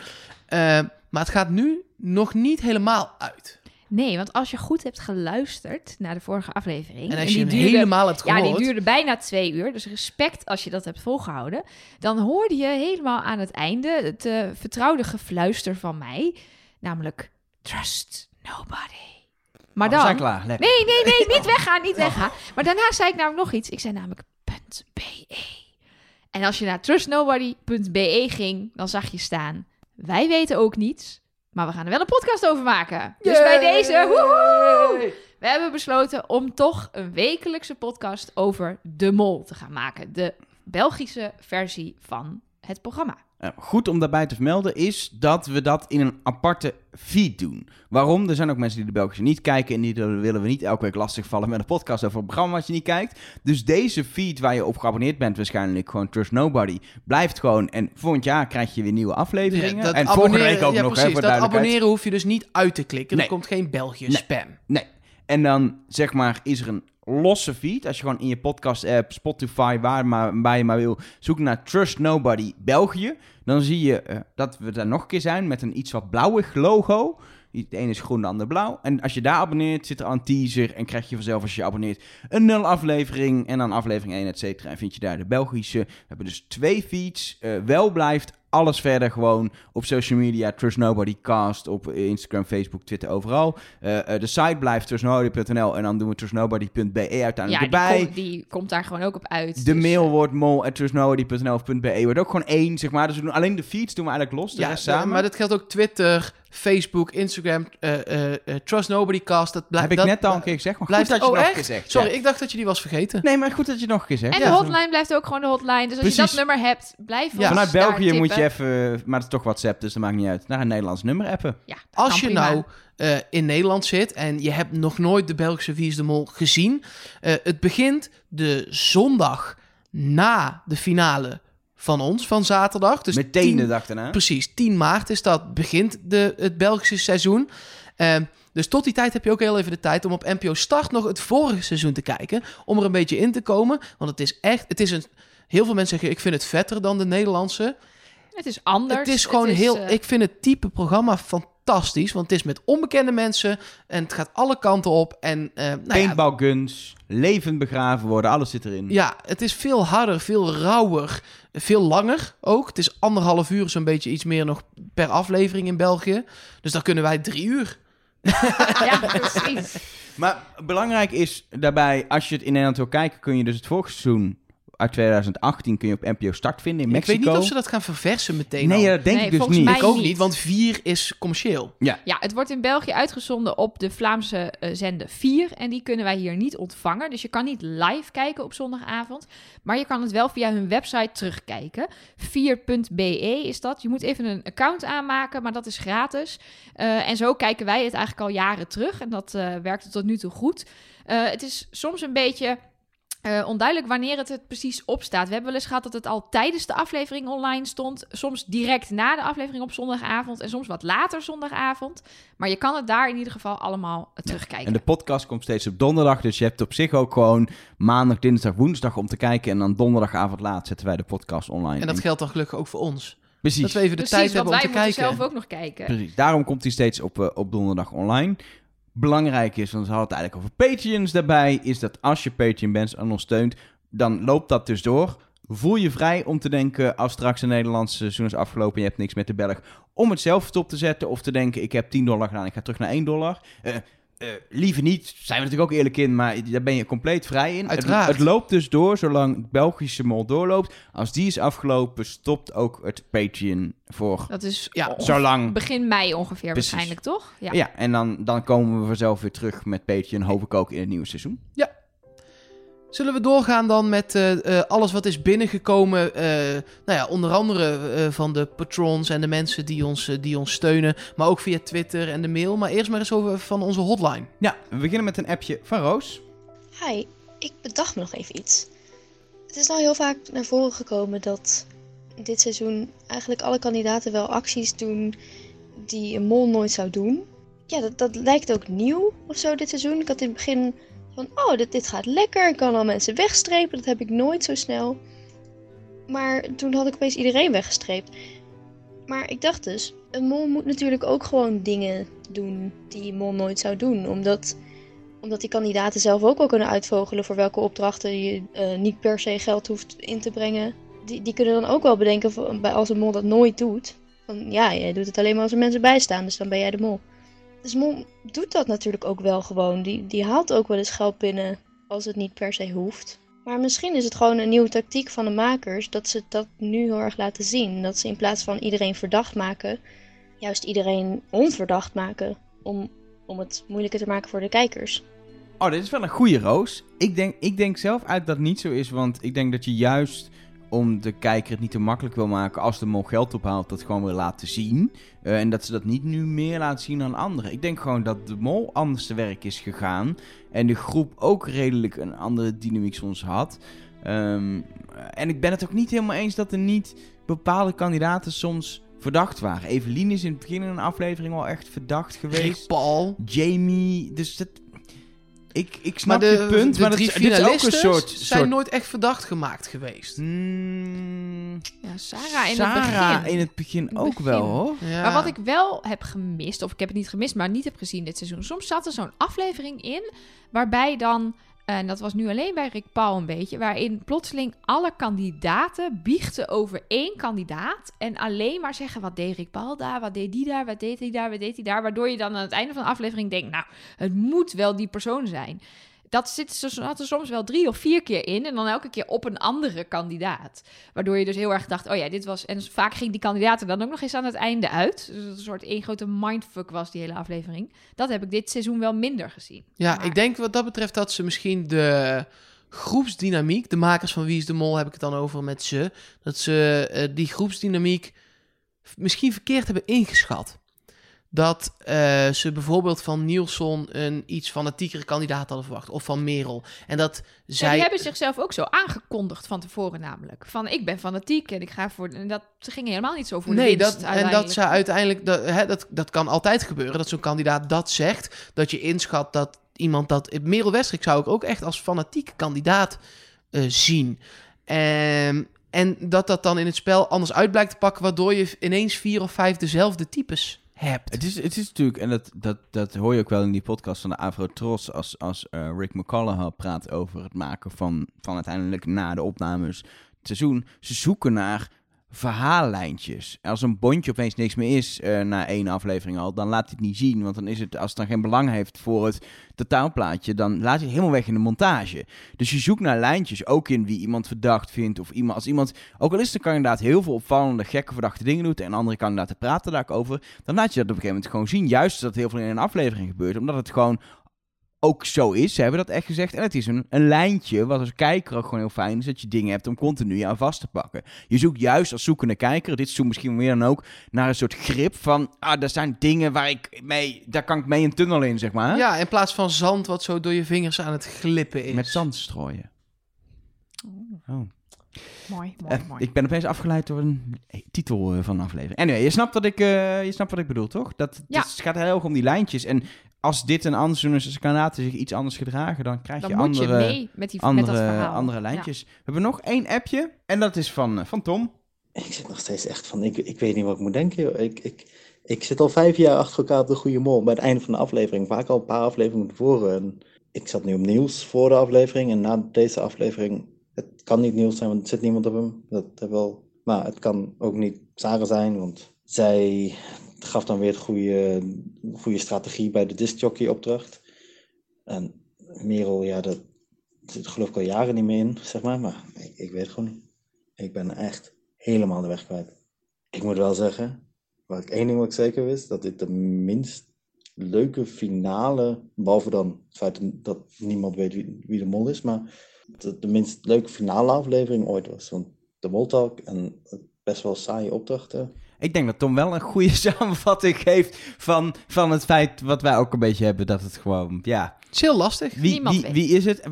Wel een puntje wat hij zegt, en daar hoor ik meer mensen over, dat ze de, deze finale aflevering zo saai vonden.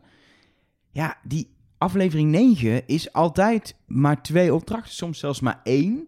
Er is niet meer zoveel spannend. Het spel is een beetje gespeeld. Inderdaad, dit keer was het een hele doodnormale test. het- Maar ik vond het niet... Ik had... Misschien hebben ze hele hoge verwachting of zo, maar dit is, ieder seizoen is het een beetje zoals dit. Nou, maar het kan wel een stuk spannender. Ik, vind, moest bijvoorbeeld meteen denken aan aflevering 9 in, in Zuid-Afrika. Dat was eh, het seizoen van Kees Tol, die de mol was.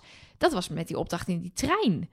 Weet je, dat, je, dat ze langs die mensen moesten, moesten ze hele mooie jurken aan. Zaten ze in een hele oude trein, een soort... Was dat niet het seizoen met Annemarie Jong? Nee, nee, nee. Was dat het seizoen nee, dit was het seizoen met Kees Tol. En dan gingen ze langs eh, passagiers. En die spraken Oh, ja, allemaal ja, heel posh Engels. En die hadden allemaal aanwijzingen, hele cryptische dingen. Dingen als...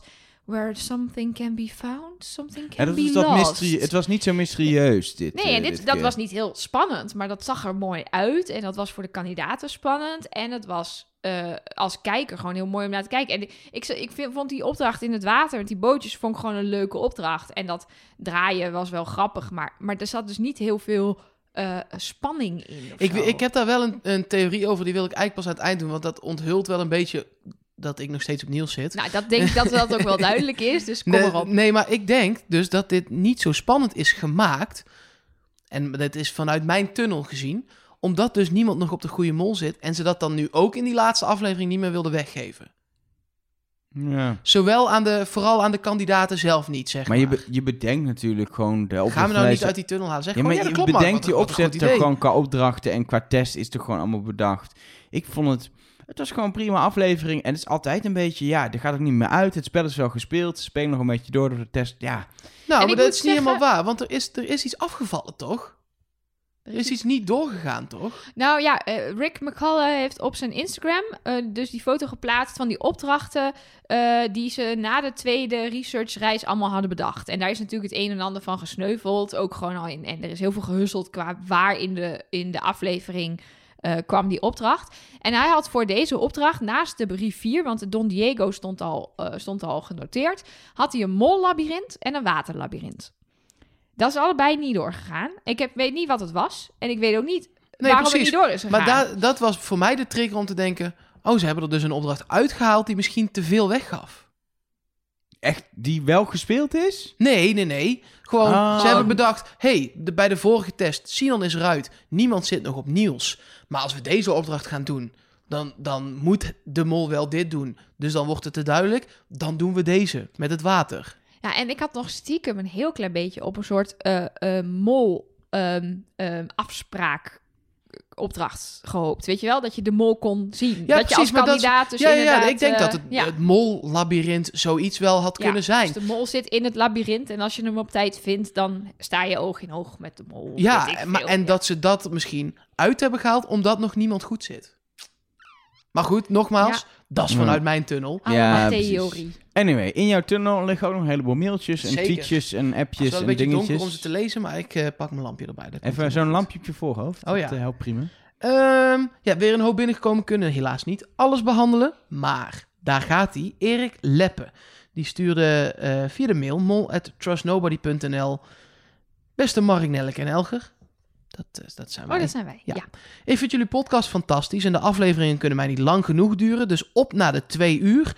En om daar een handje bij te helpen, even een paar reacties op randzaken uit de vorige podcast. Het is nogal lang, dus kies zelf maar wat je wel en niet wil behandelen. Nou, weet je, ik pik er gewoon één ding uit waarvan ik denk, dit is wel leuk. Eh, dat gaat over de lage pot. Ehm, hij heeft uitgezocht hoeveel geld er verdiend werd in verschillende jaren. Oh ja. Daar hebben we het wel eerder over gehad, maar toen wisten we de feiten niet. En hij heeft het eh, opgezocht. Rond 2011 was het vaak nog 2500 euro per opdracht. Ehm, rond 2016 was dat al gezakt naar 2000. En nu zitten we eigenlijk meestal rond de 1500. Ehm, en dat dat dan ook een hele goede reden is van het zo laag zijn van de pot. Ja. Ja. dat is natuurlijk naast wat de mol wel of niet doet. Als je plotseling gemiddeld 500 euro per opdracht minder kan verdienen, ja, dan eindig je uiteindelijk met En- de laagste pot ooit. En wat dat betreft is het denk ik ook zo dat, ehm, omdat ze denk ik merken dat het bij die, kijk, het werkt bij denk ik onbekende mensen, en dat zie je bij de Belg ook echt wel, als je gewoon 3000 euro kan verdienen, dan ga je echt hard rennen. En we weten inmiddels dat dat, dat, dat bij die BN'ers zo niet werkt.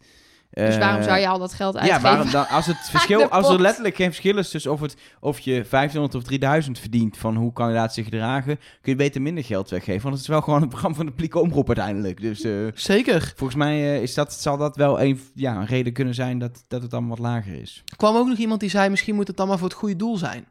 Ja, maar dat is wel... Dan ben je Als als, je- mol wel ook echt een klootzak. Ja, en dan... Want dan zorg je er dus voor dat er zo weinig mogelijk geld naar kindjes in en Afrika dan, gaat. en dan verander je ook wel toch ergens het programma. Het is. eh, Ja. Oh, wat ik nou trouwens wel bedacht. Stel nou dat Sarah inderdaad de mol is. Gaat ze dan nog iets met die pot doen als penningmeester, denk je? Is die dan straks leeg? Of heeft ze er dan 1000 euro uitgehaald? Of hoe zit dat? Zou ik doen nog als ik haar was. Ja, Dat het straks aan tafel ineens 2.500 euro Dat blijkt te Rick zijn. zegt, de pot is opengemaakt. want heel vaak is dat pas in, in Vondel CS, hè? Dat er een soort Ja, dat is van leuk, uitreiking eh, is van het geld. Dit jaar, het is dit jaar niet in eh Vondel CS. Het is in Vondaletta CS. In Italië. Ja, Gaan ze toch naar gaan ze Italië? toch gelukkig nog naar Italië. Het is super fijn dat mijn voorspelling toch uit is gekomen. Staan, al die fans staan dan straks in Amsterdam. Ja, Maar nee, nee hoor, ze zitten Het in is in Milaan. Vondaletta CS. Anyway, is er nog meer Ja, zeker. gekomen? Kijk, jullie hebben hem al gezien, maar ik wilde het toch nog heel even behandelen voor iedereen die het niet heeft gezien. Eh, het is Esther Bakker. Die heeft een, een cartoon van ons gemaakt. Ja, hij is echt Dat is toch fantastisch. leuk? Het is, het is even wel grappig om te beschrijven. Eh Nelleke heeft een, heeft een alihoedje op en kijkt ook echt alsof de hele wereld één groot complot is. Heel argwanend. Jij kijkt echt aan de zijkant. Mark kijkt een beetje boos met geld in zijn handen. En dat is niet het geld van de patrons, toch? Wat je in je handen hebt. Nee, dat Dit hoopte ik is- eerst, maar dat was niet. Dat, je, dat de follow the money theorie niet werkt, denk ik, dat je uitstraalt. En ik zit erbij, ja, heb het toch weer fout. ja, Dus daar zit ik erbij, ja. Ja, ja. prima. Maar het En we is zitten echt helemaal heel leuk. onder de Trust Nobody stickers en met aantekeningen erbij. En ja, het is super, superleuke Ja, eh, Eh, eh, Esther Bakker heeft het gemaakt. En je, kun- we hebben hem getweet, dus je kunt het op eh eh, @trustnobodycast op Twitter kun je het gewoon zien. En ik ga hem ook in de show notes zetten. ik op gooi hem nog even op, in- op Instagram straks, als ik Leuk. weer helemaal nuchter ben. En dan, dan komt het helemaal goed. Eh, dan iets, ja, ik las dit, ik weet er niks meer van, maar eh, ik heb blijkbaar een audio-appje gemaakt gisteren. Eh, en dat Naar was, de patrons inderdaad, vanaf, vanuit een kroeg of zo. Dat was heel gezellig. Eh, daar was G.J. Kooijman heel blij mee. En het was een eh, bijdrage voor de maand maart als patron al helemaal waar. We zijn, ook, we zijn ook wel mensen die hebben echt best wel boos teruggeappt dat ze het echt nergens op vonden slaan. Maar die haten denk ik ook carnaval. Ja, want jij zei in dat appje namelijk, Mark, dat, dat carnaval belangrijker is dan Wie is de Mol. Ja, dat Ja, daar sta ik ook nog... Dat is, was niet omdat... Dat sta ik nog steeds wel achter. snap ik, snap ik. Ja. Maar dat is Maar voor wel- dat- andere mensen is dat niet zo, dus die Dat- zijn dat soms, mag ook. eh, Maar dat, dat is sowieso... Maar waarom zou je daar dan... Je, mag Nee, ja. boos zijn op mij, dat mag. Maar waarom zou je daar boos om worden? Nee, ik denk dat die mensen gewoon gefrustreerd waren over deze aflevering. Dat ze nog steeds niet weten wie de mol is. En dan kijken ze naar ons als een soort redders. Wat we niet zijn, hè, jongens. Want jullie horen ook dat wij het ook Ja, niet en dan weten. sta ik bako's te en hakken. dan sta jij bako's te hakken. Maar Ja. misschien een goede relativering om te doen na negen afleveringen van gemiddeld anderhalf tot twee uur per aflevering, waar mensen hun tijd in hebben gestopt en heel diep in het programma zijn gedoken. We kijken gewoon naar een televisieprogramma met z'n allen, daar lullen een beetje over en meer is het uiteindelijk niet. Laten we dat even wel Ja. wezen. En dan is inderdaad... De carnaval is voor mij belangrijk. En soms Ja. moet ik werken, dat is ook belangrijker. Ja. En als mijn moeder jarig is, is ook belangrijker. Ja, ik heb dus de verjaardag van mijn broer wel gemist door... Wie Ik heb mijn eigen verjaardag gemist door Wie. Nee, ja, maar dan kijk je en dan ga je het daarna alsnog Het vieren. is duidelijk dat jij prioriteiten Nee. anders hebt dan wij, heb, maar echt, hè? Ja, ik dat heb mijn verjaardag serieus niet gevierd. Echt niet? Nee. Anyway, ga, dit. ga door Onder met de tweetjes, want dit wordt helemaal niks meer. Dan. Eh, heel veel mensen die eh, de tekst van de Guilty Pleasure van eh, Sarah nog een keer willen aanstippen. Eh, en, maar Dat was Mariah Carey hè, met Vision of Love, Vision of? Love, ja. Eh, en het mooie is. Hmm. dat we daar hele, eigenlijk de hele tekst, zeg maar, van verschillende mensen hebben gekregen. Dus eh eh, Liva Anderson of Anderson, die stuurt eh, via Twitter dat de tekst Prayed through the night, felt so alone, suffered through alienation, carried the weight on my own, had to be strong, so I believed, and now I know I've succeeded in finding the place I conceived. Mooie, Mooie tekst. molbiecht hoor. Ja. Ja, En ze zong het vrolijk mee ze ook. zong het eh, lekker mee, ja. Ehm, en eh, Sanne de Bruin, ehm, die stuurde een ander deel weer van de tekst. Somehow the one that I needed would find me eventually. Hmm.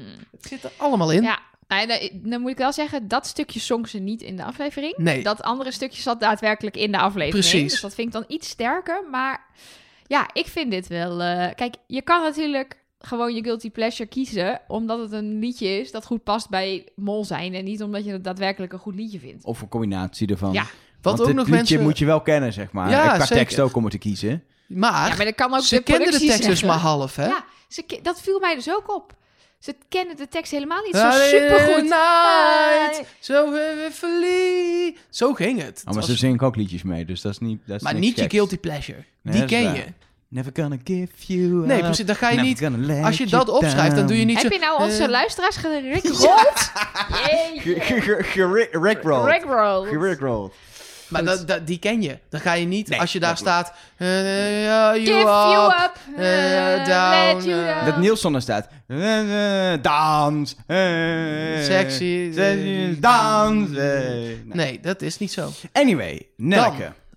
Zet je hoed op. Ik ga ervan uit dat jij Ja. nu met een soort twist komt. Want er zat geen twist in de aflevering. Dat de leader hint opgelost is. Dat de alle andere hint, rupsen, Ja, vogels, maar ze heeft al, honden, alles ze is heeft al naar de uitgepuzzeld. hier, eh, leader hint. Dus ik zit er helemaal klaar voor. Nou, we hebben net anderhalf uur voor niks zitten praten, want ik weet wie de mol is. Nee. Nou, vertel. Ja, nee, helaas. Sorry jongens, ik moet jullie teleurstellen. Kijk, de leader hint. Eh, Ja. Er verdween weer wat, namelijk de beelden van de executie op de daken in Medellin. Wat ik wel flauw vind, want het heeft geen titel. Het is geen opdracht. Nee, Ja. het was een executie. Dus dat zou de E kunnen zijn. Ehm, de aflevering waarin dat gebeurde heette Niet Gered. Dus het zou ook nog een N kunnen zijn. Hoewel ik wel... Kijk, als je het echt aan tien mensen zou vragen... welke letter zou je koppelen aan dit fragment... dan zegt denk ik 9 de E van executie. Ja, Dat het zou ook de M van meest- Medellin kunnen zijn, want daar was het. Ja, De D van Daken, want daar zaten ze op. maar De L van lampen, want die branden. dat betekent, eh, als we uitgaan van die E... dat we nu mol, vis, ei hebben. Want het zijn wel de letters van mol, visie... maar de executie zat voor de opdracht met de motoren... die in het vizier heten. Dus er staat nu niet mol, visie... maar er staat mol, vis, ei of mol, vissei of zo. Ja, eh, ik heb zelfs eh eh, molvisie.nl, molvisei.nl, .org, .nu, .com... Ik heb gegoogeld op molvis, visie, molvisei, alles om te kijken of ik ergens terecht kwam. Er werd mij continu gevraagd of ik misschien movisie betekende, bedoelde, wat een, een sociaal bedrijf is ergens hier in Utrecht. Die bedoelde ik niet. Dus ja, wat het nou precies betekent, ja, ik heb ook weer alle fora Reddit afgespeurd. En niemand heeft iets waarvan ik denk: ja, dit is absoluut. eh, wat, wat, dit is een sluitend, sluitend ding. Ehm, behalve ehm, dat. Kijk, wat ik aan zit te denken. Het kan nog steeds gewoon helemaal niks met die opdrachten en die namen van die opdrachten te maken hebben. Dat het gewoon super misschien wel opzettelijk is, maar dat, dat er mol uitkwam. Daardoor gingen wij natuurlijk aan. Doordat er mol is uitkwam, denk je, hier moet een hint in zitten. En, ehm, een misleidende hint is ja. dat, de- dat de hint toch de blok op het meer is. Precies, want eh, Rick heeft wel op zijn Instagram gezet een foto van dat hij naar dat meer toe aan het lopen is op zandvlakte. Met de tekst even checken hoe het met de leader hint is. Dus ik denk wel, ja, dat is, zit natuurlijk wel iets in. Ehm, en, en onze luisteraar Mark van Zetten, die heeft daar bijvoorbeeld ook een mail naar ons over gestuurd. ehm, waarin hij ook zegt van ja, misschien moeten we helemaal niet naar die, naar die eh, opdrachten kijken die verdwijnen. Eh, maar je ziet steeds opdrachten verdwijnen. Je ziet ze vervangen worden door puzzelstukjes op het meer. Die samen dus een schildering van een gezicht vormen. Daar hebben we ook nog steeds niet uitsluitsel over dat dat sprekend iemand lijkt. Ik ben het met de meeste luisteraars eens dat het het meest op Sarah lijkt. Maar het is niet Ik een het, spitting image. Ik Niet wou net één op zeggen. één. Nee, er, maar... zijn, er zijn genoeg inderdaad mensen die het nu bij elkaar hebben kunnen Photoshop door gewoon al die puzzelstukjes uit te knippen in Photoshop. Maar het, ja, je ziet inderdaad duidelijk een muurschildering of in ieder geval een street art-achtige schildering van een vrouw. Wat wel logisch is in een street En het art lijkt ook verhaal. ontzettend veel op die Chota 13. Dus het Ja. kan best zijn dat hij het heeft gemaakt in opdracht van Maar het ik, programma. ik vind het zeker niet. Ja, als je inderdaad uit de drie kandidaten moet kiezen, kom je dicht bij Sarah. Maar als je gewoon zegt, lijkt dit op Sarah, dan zeg ik nou nee. Maar goed, Dat was dus niet mijn punt. Mijn punt was dat het dus leidt naar een eh, eh, eh, beeld van eh, een, een, een schildering. Eh, maar wat Mark dus ook zegt, je ziet allerlei puzzelstukjes. Vervolgens zie je die joker nog opengespleten worden. Dat is het laatste fragment wat er nog in zit. Op die joker staat de hele tijd de mol. En daarna is Sarah in beeld. Dus wie weet is het meer een soort... ehm, de puzzelstukjes wijzen uiteindelijk naar Mol Sarah. En dan zie je bijvoorbeeld op die puzzelstukjes uiteindelijk in de laatste aflevering ook Sarah's eh beeldenis. Maar dat het zoiets is, dat het gewoon meer een soort, ehm, ehm, ja, hoe noem je dat? Een soort, ja, het is niet een letterlijke hint met puzzelen met letters, maar meer wat jij, vorige keer zei jij dat volgens mij, Elge, van ja, we moeten kijken naar de mol is tijdens de executie in het vizier, weet je, zo. Nee, dat- ja, dat maar, oh, dat was jij, ja. Mark, sorry. Maar ja, dus, maar nog steeds, ik vind dit dan nog ergens op lijken, omdat ik ook gewoon met die letters niet heel veel verder kom dan molvisie. Wat je natuurlijk wel kan zeggen, molvisie, Vision of Love was van Sarah Ja. de, eh, de, eh, Ja, maar ik vind dat dus niet- Sarah, Sarah is dyslectisch, dus het is best wel logisch dat ze twee letters heeft omgedraaid in het woord Ja, molvisie, toch? Bij mij gaat het daar wel mank. Dan zou ik het da- daardoor wel een minder goede hint Ja. vinden, omdat je dus moet gaan husselen. Ja. Ik zit ook te denken, Ja, maar en dat is alleen echt de maar... laatste twee ook, hè? Het is Ja. niet zeg maar, je moet Nee, alles door precies. elkaar. Maar nee, nee, kan ook nog- de- die Wat consequentie zou is kunnen, we kwamen altijd tot de conclusie dat het zou kunnen zijn mol, vrouw, is, en dan heb je EI, is een, Een ei? is een eh, introvert iemand. Die, zit er niet niet meer. tussen. Nee. Nee.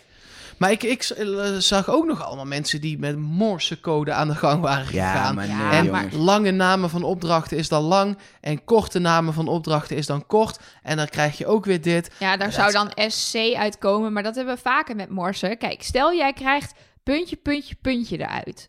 Kort, kort, kort. Dat kunnen drie E's zijn, maar kort, kort, kort is ook een letter op zich. Ik weet even niet uit mijn hoofd. Nee, precies. Maar ook twee keer kort is ook een letter en dan een E. Dus je kan dat zoveel manieren uitleggen. Je hebt een soort pauze nodig. Je hebt een soort eh, ding nodig waardoor je moet kunnen bepalen welke waar Ja, de het letter stopt. Puntje, pauze, Ja. puntje, puntje, Ja, dus pauze. kort, pauze, kort, pauze. Of kort, kort, kort, pauze. Nee, en dat weet je niet in het geval van een leaderhint. Maar goed, dus bij deze wil ik de leaderhint afschrijven als een leuke poging van de programmamakers om ons eh, tien weken lang eh, God, we hebben het er lang over gehad, eh, hè? aan de, de praat te houden. Dank je wel daarvoor. Ik En, kan zeggen, zonder lieder in waren de podcast gewoon een uurtje geweest. ja, Ja. precies. Had toch tijdsgescheeld Dus van als de jullie mensen. klachten hebben, dat mag naar Rick McCullough at idtv.nl. Avrotros, iets. Gewoon Rick, anders natuurlijk gewoon Rick. van Westerlaken, het Avrotros, dat weet ik sowieso waarschijnlijk wel. Ik heb Toch? geen idee eigenlijk. Ja, ik weet, dat moet, die man heeft toch gewoon een e-mailadres, Ja, lijkt dat is me. wel waar. Je probeert gewoon alles. Ja, gewoon Rick, Rick, punt van- of R punt en... eh, Precies, probeer, Rick.avrotros.nl komt ook bij iemand thuis waarschijnlijk, dus gewoon proberen. precies.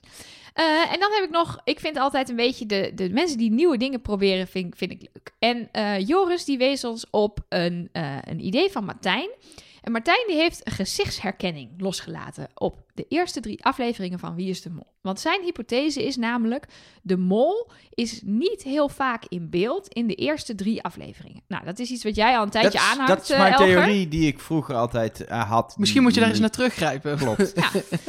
En, ehm, en dat, had, dat had Martijn dus ook. Dus hij heeft, eh, heeft zelfs een scriptje geschreven en die op GitHub gezet voor de, voor de nerds onder ons. eh, eh, die weten wat ze, wat ze daarmee kunnen. Als, je kunt het dus ook zelf eh, toepassen. Het open source eh, eh, eh, gezichtsherkenningsscriptje.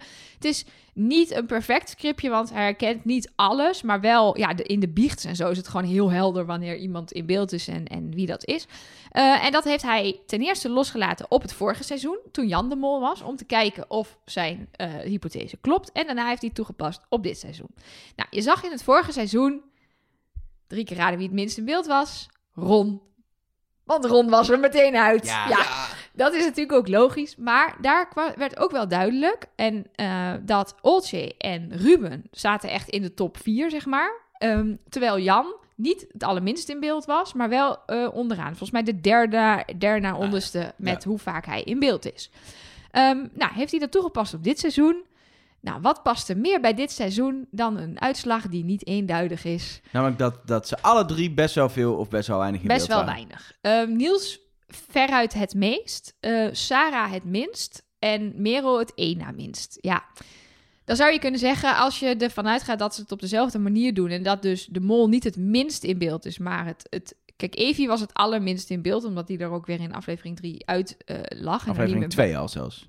Nee, in aflevering 1 was er geen executie. Ja, aflevering dus 2. lag ze in twee... Oh, Ja, ja. in de derde aflevering zit Evie niet meer. Zit ze er niet meer in. Ja, dus ehm, ja, ik vond het weer, dus in mijn tunnel denk ik dan, ah kijk, Sarah het minst in beeld, Sarah is de mol. Maar ja, Merel was niet superveel meer in beeld. En Niels was een beetje meer in beeld, maar ook niet zo vaak als bijvoorbeeld een Sinan. Ja, maar het gaat, echt, en het gaat er eh, ook nog om, dat is mijn theorie in ieder geval, die ik al toepas. Het ging niet alleen, het ging mij net om wie vond ik nou het minst aan, wie aanwezig. Dat is niet alleen in beeld zijn, is ook wat je doet, eh, of je veel dingen zegt. Ja, maar je- ik vind dit wel interessant, want dat is natuurlijk open voor interpretatie. Jij kan zeggen, ja, bij mij is, eh, is Jamie helemaal niet opgevallen en ik vind Jamie een knappe jongen, dus bij mij is Jamie wel opgevallen, bijvoorbeeld. Terwijl dit is natuurlijk gewoon, dit is objectief, dit is gewoon Ja. meten. Maar goed, wat we, we kunnen niet, weer niet Ja, follow the money werkt ook niet meer, dus ik eh, vrees... werkt. ik vrees ergste. Nou, nog een klein eh, grappig dingetje dat eh Sumit eh, was opgevallen, een van onze trouwe luisteraars. Die... Onze Is hij al terug? Ja, hij is terug. Nee, Oh. helaas, hij is terug in Nederland. Ik denk, hij kan nog naar meer om te kijken of er nog blok, blokken Nee. op het meer drijven. Maar nee, dat helaas. Hij is weer terug in Nederland. Maar hij heeft wel gehoord dat in de laatste tekst bij, onder de boom bij de koeien zegt Rick weer, maar wie? Dat is die tekst die hij elke keer weer zegt. Dat zou naar Merel Westrik kunnen wijzen. MW, maar wie, maar wie? Ja, hij zei het nu weer. Het punt is wel, dat hebben we eerder volgens mij ook uitgebreid besproken in de, in de extra podcast die we hebben gemaakt over alle hints en theorieën uit het verleden. Zo'n soort hint werkt eigenlijk alleen maar op het moment dat je een nieuwe presentator hebt die inderdaad bepaalde zinnetjes gaat doen. Eh, toen Art het voor het eerst deed als presentator, had hij zijn jongens, of eigenlijk jongens, van Annemarie Jong. Jong, En dat ja. kan, dat, als hij dat het tweede seizoen dat die presentator was gedaan, was het meteen opgevallen. Waarom zegt hij nou dat jongens? Dat zei hij nooit. Ja. Eh, dus dat, zoiets, zo'n zinnetje wat steeds terugkomt, werkt alleen dan. Maar het kan ook gewoon dit keer gewoon een zinnetje zijn. Kijk, ja, het is natuurlijk ook niet een hele gekke zin of zo. Nee. Eh, maar nee, goed. maar hij komt wel vaak terug. Hij komt vaak terug, ja. En je, eh, daar waar hij de vraag wie is de mol, wat we toen straks al zeiden, vaak nog verbasterde, zat dit er toch echt vaak in. Dus, eh, maar goed, ik geloof... Ja, ik, misschien is Merel dan toch de... Ik weet het ook allemaal niet meer, jongens. Oké. Hebben we nog, Is er meer? De laatste. meer? Ja, ik heb natuurlijk nog beloofd dat er iets Is zit er in Merel? de... Snap je hem? Merel. Ja? Nelleke. Ja, Mark. Ik heb natuurlijk nog beloofd dat er ook een hint zit in de liedjes. Ja. In de liedjes. Kijk, Maar in de, in de tussendoorliedjes of Ja. de liedjes uit de opdracht? nee, ik heb iets gevonden in de tussendoorliedjes. Eh ik ben even aan De het guilty bladeren. Ik pleasures. heb hier een, eh, in de guilty pleasures. Ik heb hier een playlist. Eh, want dat waren namelijk eh 24K Magic van Bruno Mars. I'm Coming Out van Diana Ross. Wat ik wel bij Merel vind passen als guilty pleasure. Denk je niet dat dat een guilty pleasure van Merel was? Ja, denk Maar- ik. Weet ik niet. Ja, er eerder, waren dan, vier eerder, dan, liedjes, hè, eerder, dus, dan, eh, eerder dan 24K Magic. Want Ja. dat is ook geen guilty Maar pleasure, I'm gewoon een Coming Out is ook wel echt molding. Het is ook een molverwijzing natuurlijk. Maar Ja. goed, daar, dat is niet mijn punt. Daarna kwam eh, Vision of Love van Mariah Carey, wat dan de guilty pleasure van Sarah was. En toen kwam die van Niels, Ride With Me van Nelly. Must be the money. Zit ook weer een leuk, eh leuk mol dingetje in natuurlijk. Maar goed, als je... En een mol die iedereen lekker een beetje meeneemt in het spel. Right? With, nee. Nee, maar leuk geprobeerd. Ja, Ja, ik denk zal ik nu even zeggen Box. wat, Ja. wat dan daadwerkelijk wel een goed verhaal Lekker. is? Als je van die liedjes de laatste woorden van de titel neemt, dan staat er mol M. De eerste letters van de laatste woorden van die liedjes. 24K Magic. 24K Magic, I'm Coming Out, Vision of Love en Ride With Me, Mol M. Ja. Nee, maar het zijn het ding is, guilty precies, pleasures. ze hebben het, dat, dat, eh, dan is dit toevallig zo uitgekomen voor de makers en zouden ze dat zo neergezet kunnen hebben. Maar dit zeker van, van de twee kandidaten hebben dat gewoon wel zelf gekozen. Ja, dat denk ik. Weet ik niet. Je kan ook een lijstje hebben moeten insturen. Hè? Bij, Ja. bij karaoke, eh, vorig seizoen, moesten ze tien favoriete nummers opgeven. Dat is waar. En toen is daar uitgekozen welke ze daar wilden laten horen. Of welke, toen kregen ze allemaal een playlist van tien en... eh, In de leader in zit mol V. En nu hebben we weer mol A. eh, Mol M. Maar is het dan Mol Merel of Mol Man? Ja, ik Ah, denk ja, Mol, dat kan. Mol Merel. Oh ja, ik Ja, dacht het- dacht ik oh. eigenlijk. Oh. Oh, nee, ja, ik dacht...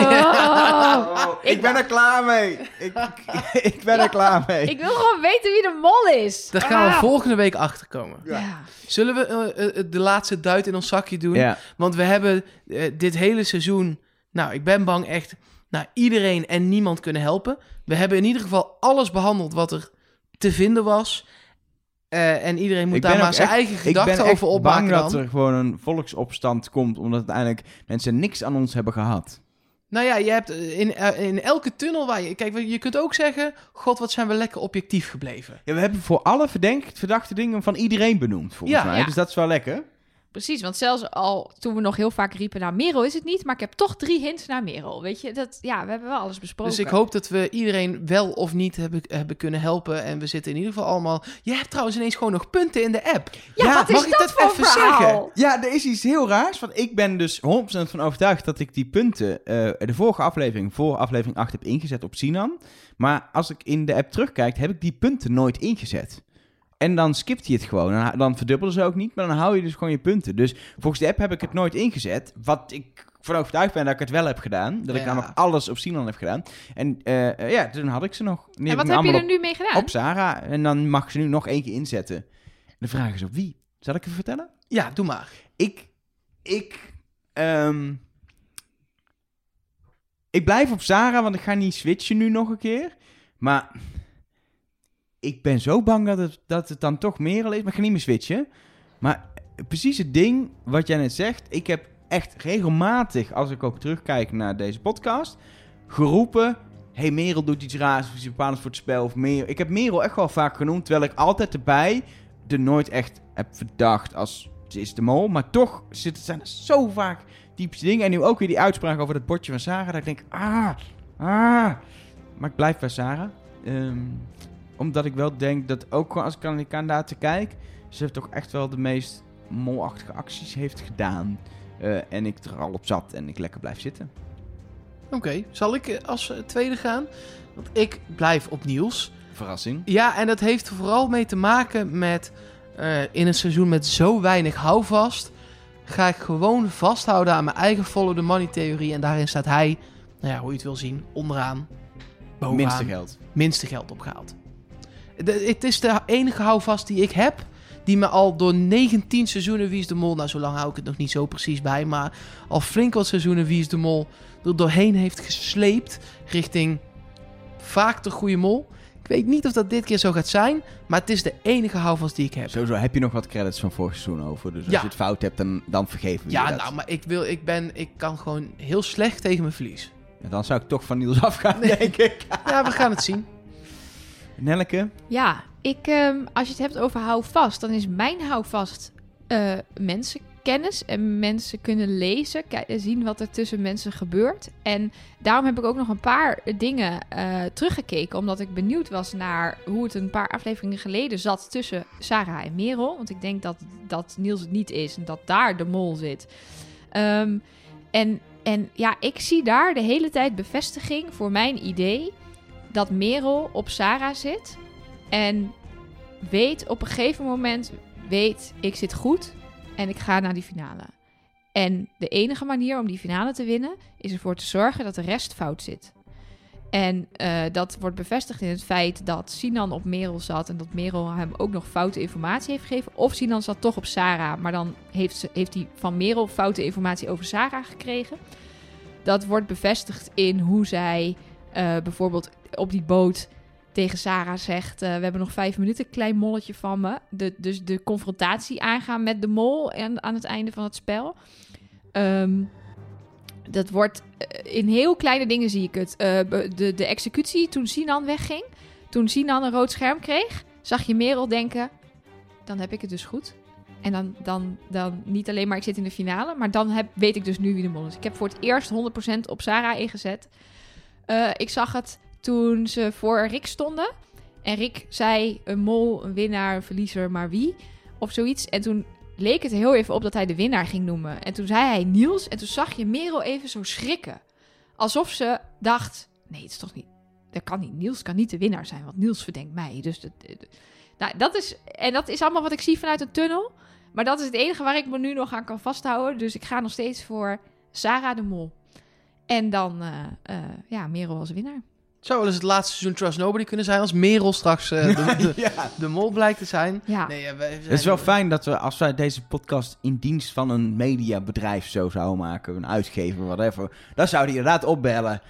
Jongens, het- stop er maar mee, want jullie hadden het helemaal fout. En er staat niemand op de goede mol. En eh, zoek het uit en eh, ga iets anders doen met je leven. Maar we zijn zelfstandig, dus we kunnen gewoon lekker doorgaan. Ja. Dus dan waren ze vorig seizoen een stuk minder blij geweest. Want toen riep ik na aflevering 5, het is Jan, want hier en hier en hier om. Ja, maar als je, als je zeg maar niet van de Avrotros bedoel ik, hè, maar gewoon een andere ja, ja. ja. podcast, oh, zo. mediabedrijf. eh, zo. anyway, volgens mij zijn we er doorheen voor deze editie van Trust Nobody. Eh, volgende week zijn we er om na te praten. En of heel hard te huilen, of iemand van ons, of misschien als meerdere mensen, toch nog een soort van te feliciteren. En we hebben natuurlijk toen dan de belofte dat we even terug gaan komen op wat de mol allemaal voor geld heeft gepakt wat niet nodig was. Precies. Daar en we we gaan terug. eh, hints bespreken en toestanden en andere zaken. Ehm, belangrijk daarbij is dat die podcast wel waarschijnlijk iets later komt dan je gewend bent. Ehm, ik ga hem namelijk opnemen. Dit wordt een test. Dit wordt heel spannend. Vanuit Amerika, vanuit een hotelkamer waar ik dan ben. Voor, voor belangrijke dingen. Ehm, en jullie doen het vanuit Nederland. Maar ik kan hem dus pas. Ik monteer hem wel zondagavond. Maar dat is zeg maar met een tijdsverschil. Is het moment dat ik hem upload. Is bij jullie alweer 's ochtends vroeg waarschijnlijk. Maandagochtend. Ik ga Ja. vanuit op maandag dat je, als je zeg maar, op je weg gaat naar je werk of zo, dat je hem dan kan luisteren. Ik ga echt heel hard mijn best doen. Maar ja, vanwege tijdsverschil is eerder helaas niet, eh, niet mogelijk. Ik kan het ook niet live kijken, dat is ook nog wel een ding. Ik moet het terugkijken. Dus ik word Ja, waarschijnlijk je, hebt, je, kunt, je kunt wel gewoon kijken, toch? Met, eh met, ja, maar je- ik zit echt op een conferentie op het moment dat het op tv is. Maar want die het Amerikanen, dag. die weten toch... Nee, dus je kan, hoeft toch niet gespoild te worden? Ja, maar er appjes en dingetjes. Ja, zet je en- toch- Ja, joh, nee, maar je wordt echt gespoild. Ik ben zeg maar, ik kan echt pas bent. s'avonds kijken. Dus echt, dan is het bij jullie is midden in de nacht. Dus ik, ik zes uur lang mijn telefoon niet aanraken wordt lastig. Op een techniekconventie. Ja. Vorig jaar was ik, eh, kon ik de finale ook niet live kijken... omdat een vriendin van mij toen in een toneelstuk speelde... waar ik per se naartoe wilde. En toen had ik dus mijn telefoon echt uitgezet en in mijn tas gestopt. En ik denk, ik ga gewoon daarna naar huis. En toen hadden ze het op het, eh, het eh, krijtbord geschreven in de foyer van het theater. Nee! Ja. Oh, wat een ben Heb Ja, ik toen ja, ook nog nou, verteld. Wel, oh. wel verkapt. Ze hadden zeg maar hertog Jan bier. En toen hadden ze Jan onderstreept en omcirkeld en zo. Maar ik zag het meteen staan. Ik denk, nee, nou weet ik Ik, het. ik kan Shit. ook niet live kijken. Ik zit Nee. bij PSV NAC. Ik moet, we- ja, ik, moet- ik moet werken. Nelleke Ja. kan wel live kijken. Dus het audio-appje komt van Nelleke als je op het Ja. moment. Of En- PSV NAC moet niet doorgaan. Als er nou een sneeuwstorm of zo is. Nou, ik hoop het niet voor jullie. Ehm, niet onbelangrijk, via de feed van Trust Nobody België, die dus ook is, kan het zomaar zijn dat er al een aflevering opduikt komende week. Abonneer je vast. ik zou me alvast dat abonneren. zou zomaar eens wat... Hè, we weten het niet. Maar ik Nee, denk soms, dat we hier nog wel een uur zitten dadelijk. plotseling podcast. En die Ja. zo plop. En dan zijn Je er. begint toch een goed seizoen met aflevering 0, zullen we maar zeggen. Zeker. Dus het zou zomaar donderdag, zou die... Heb ik het nou verklapt? Nee, je zei Nee. het zou kunnen. Het zou Zou kunnen. kunnen, Het zou kunnen. Voor nu, bedankt. En tot volgende week. Trust nobody.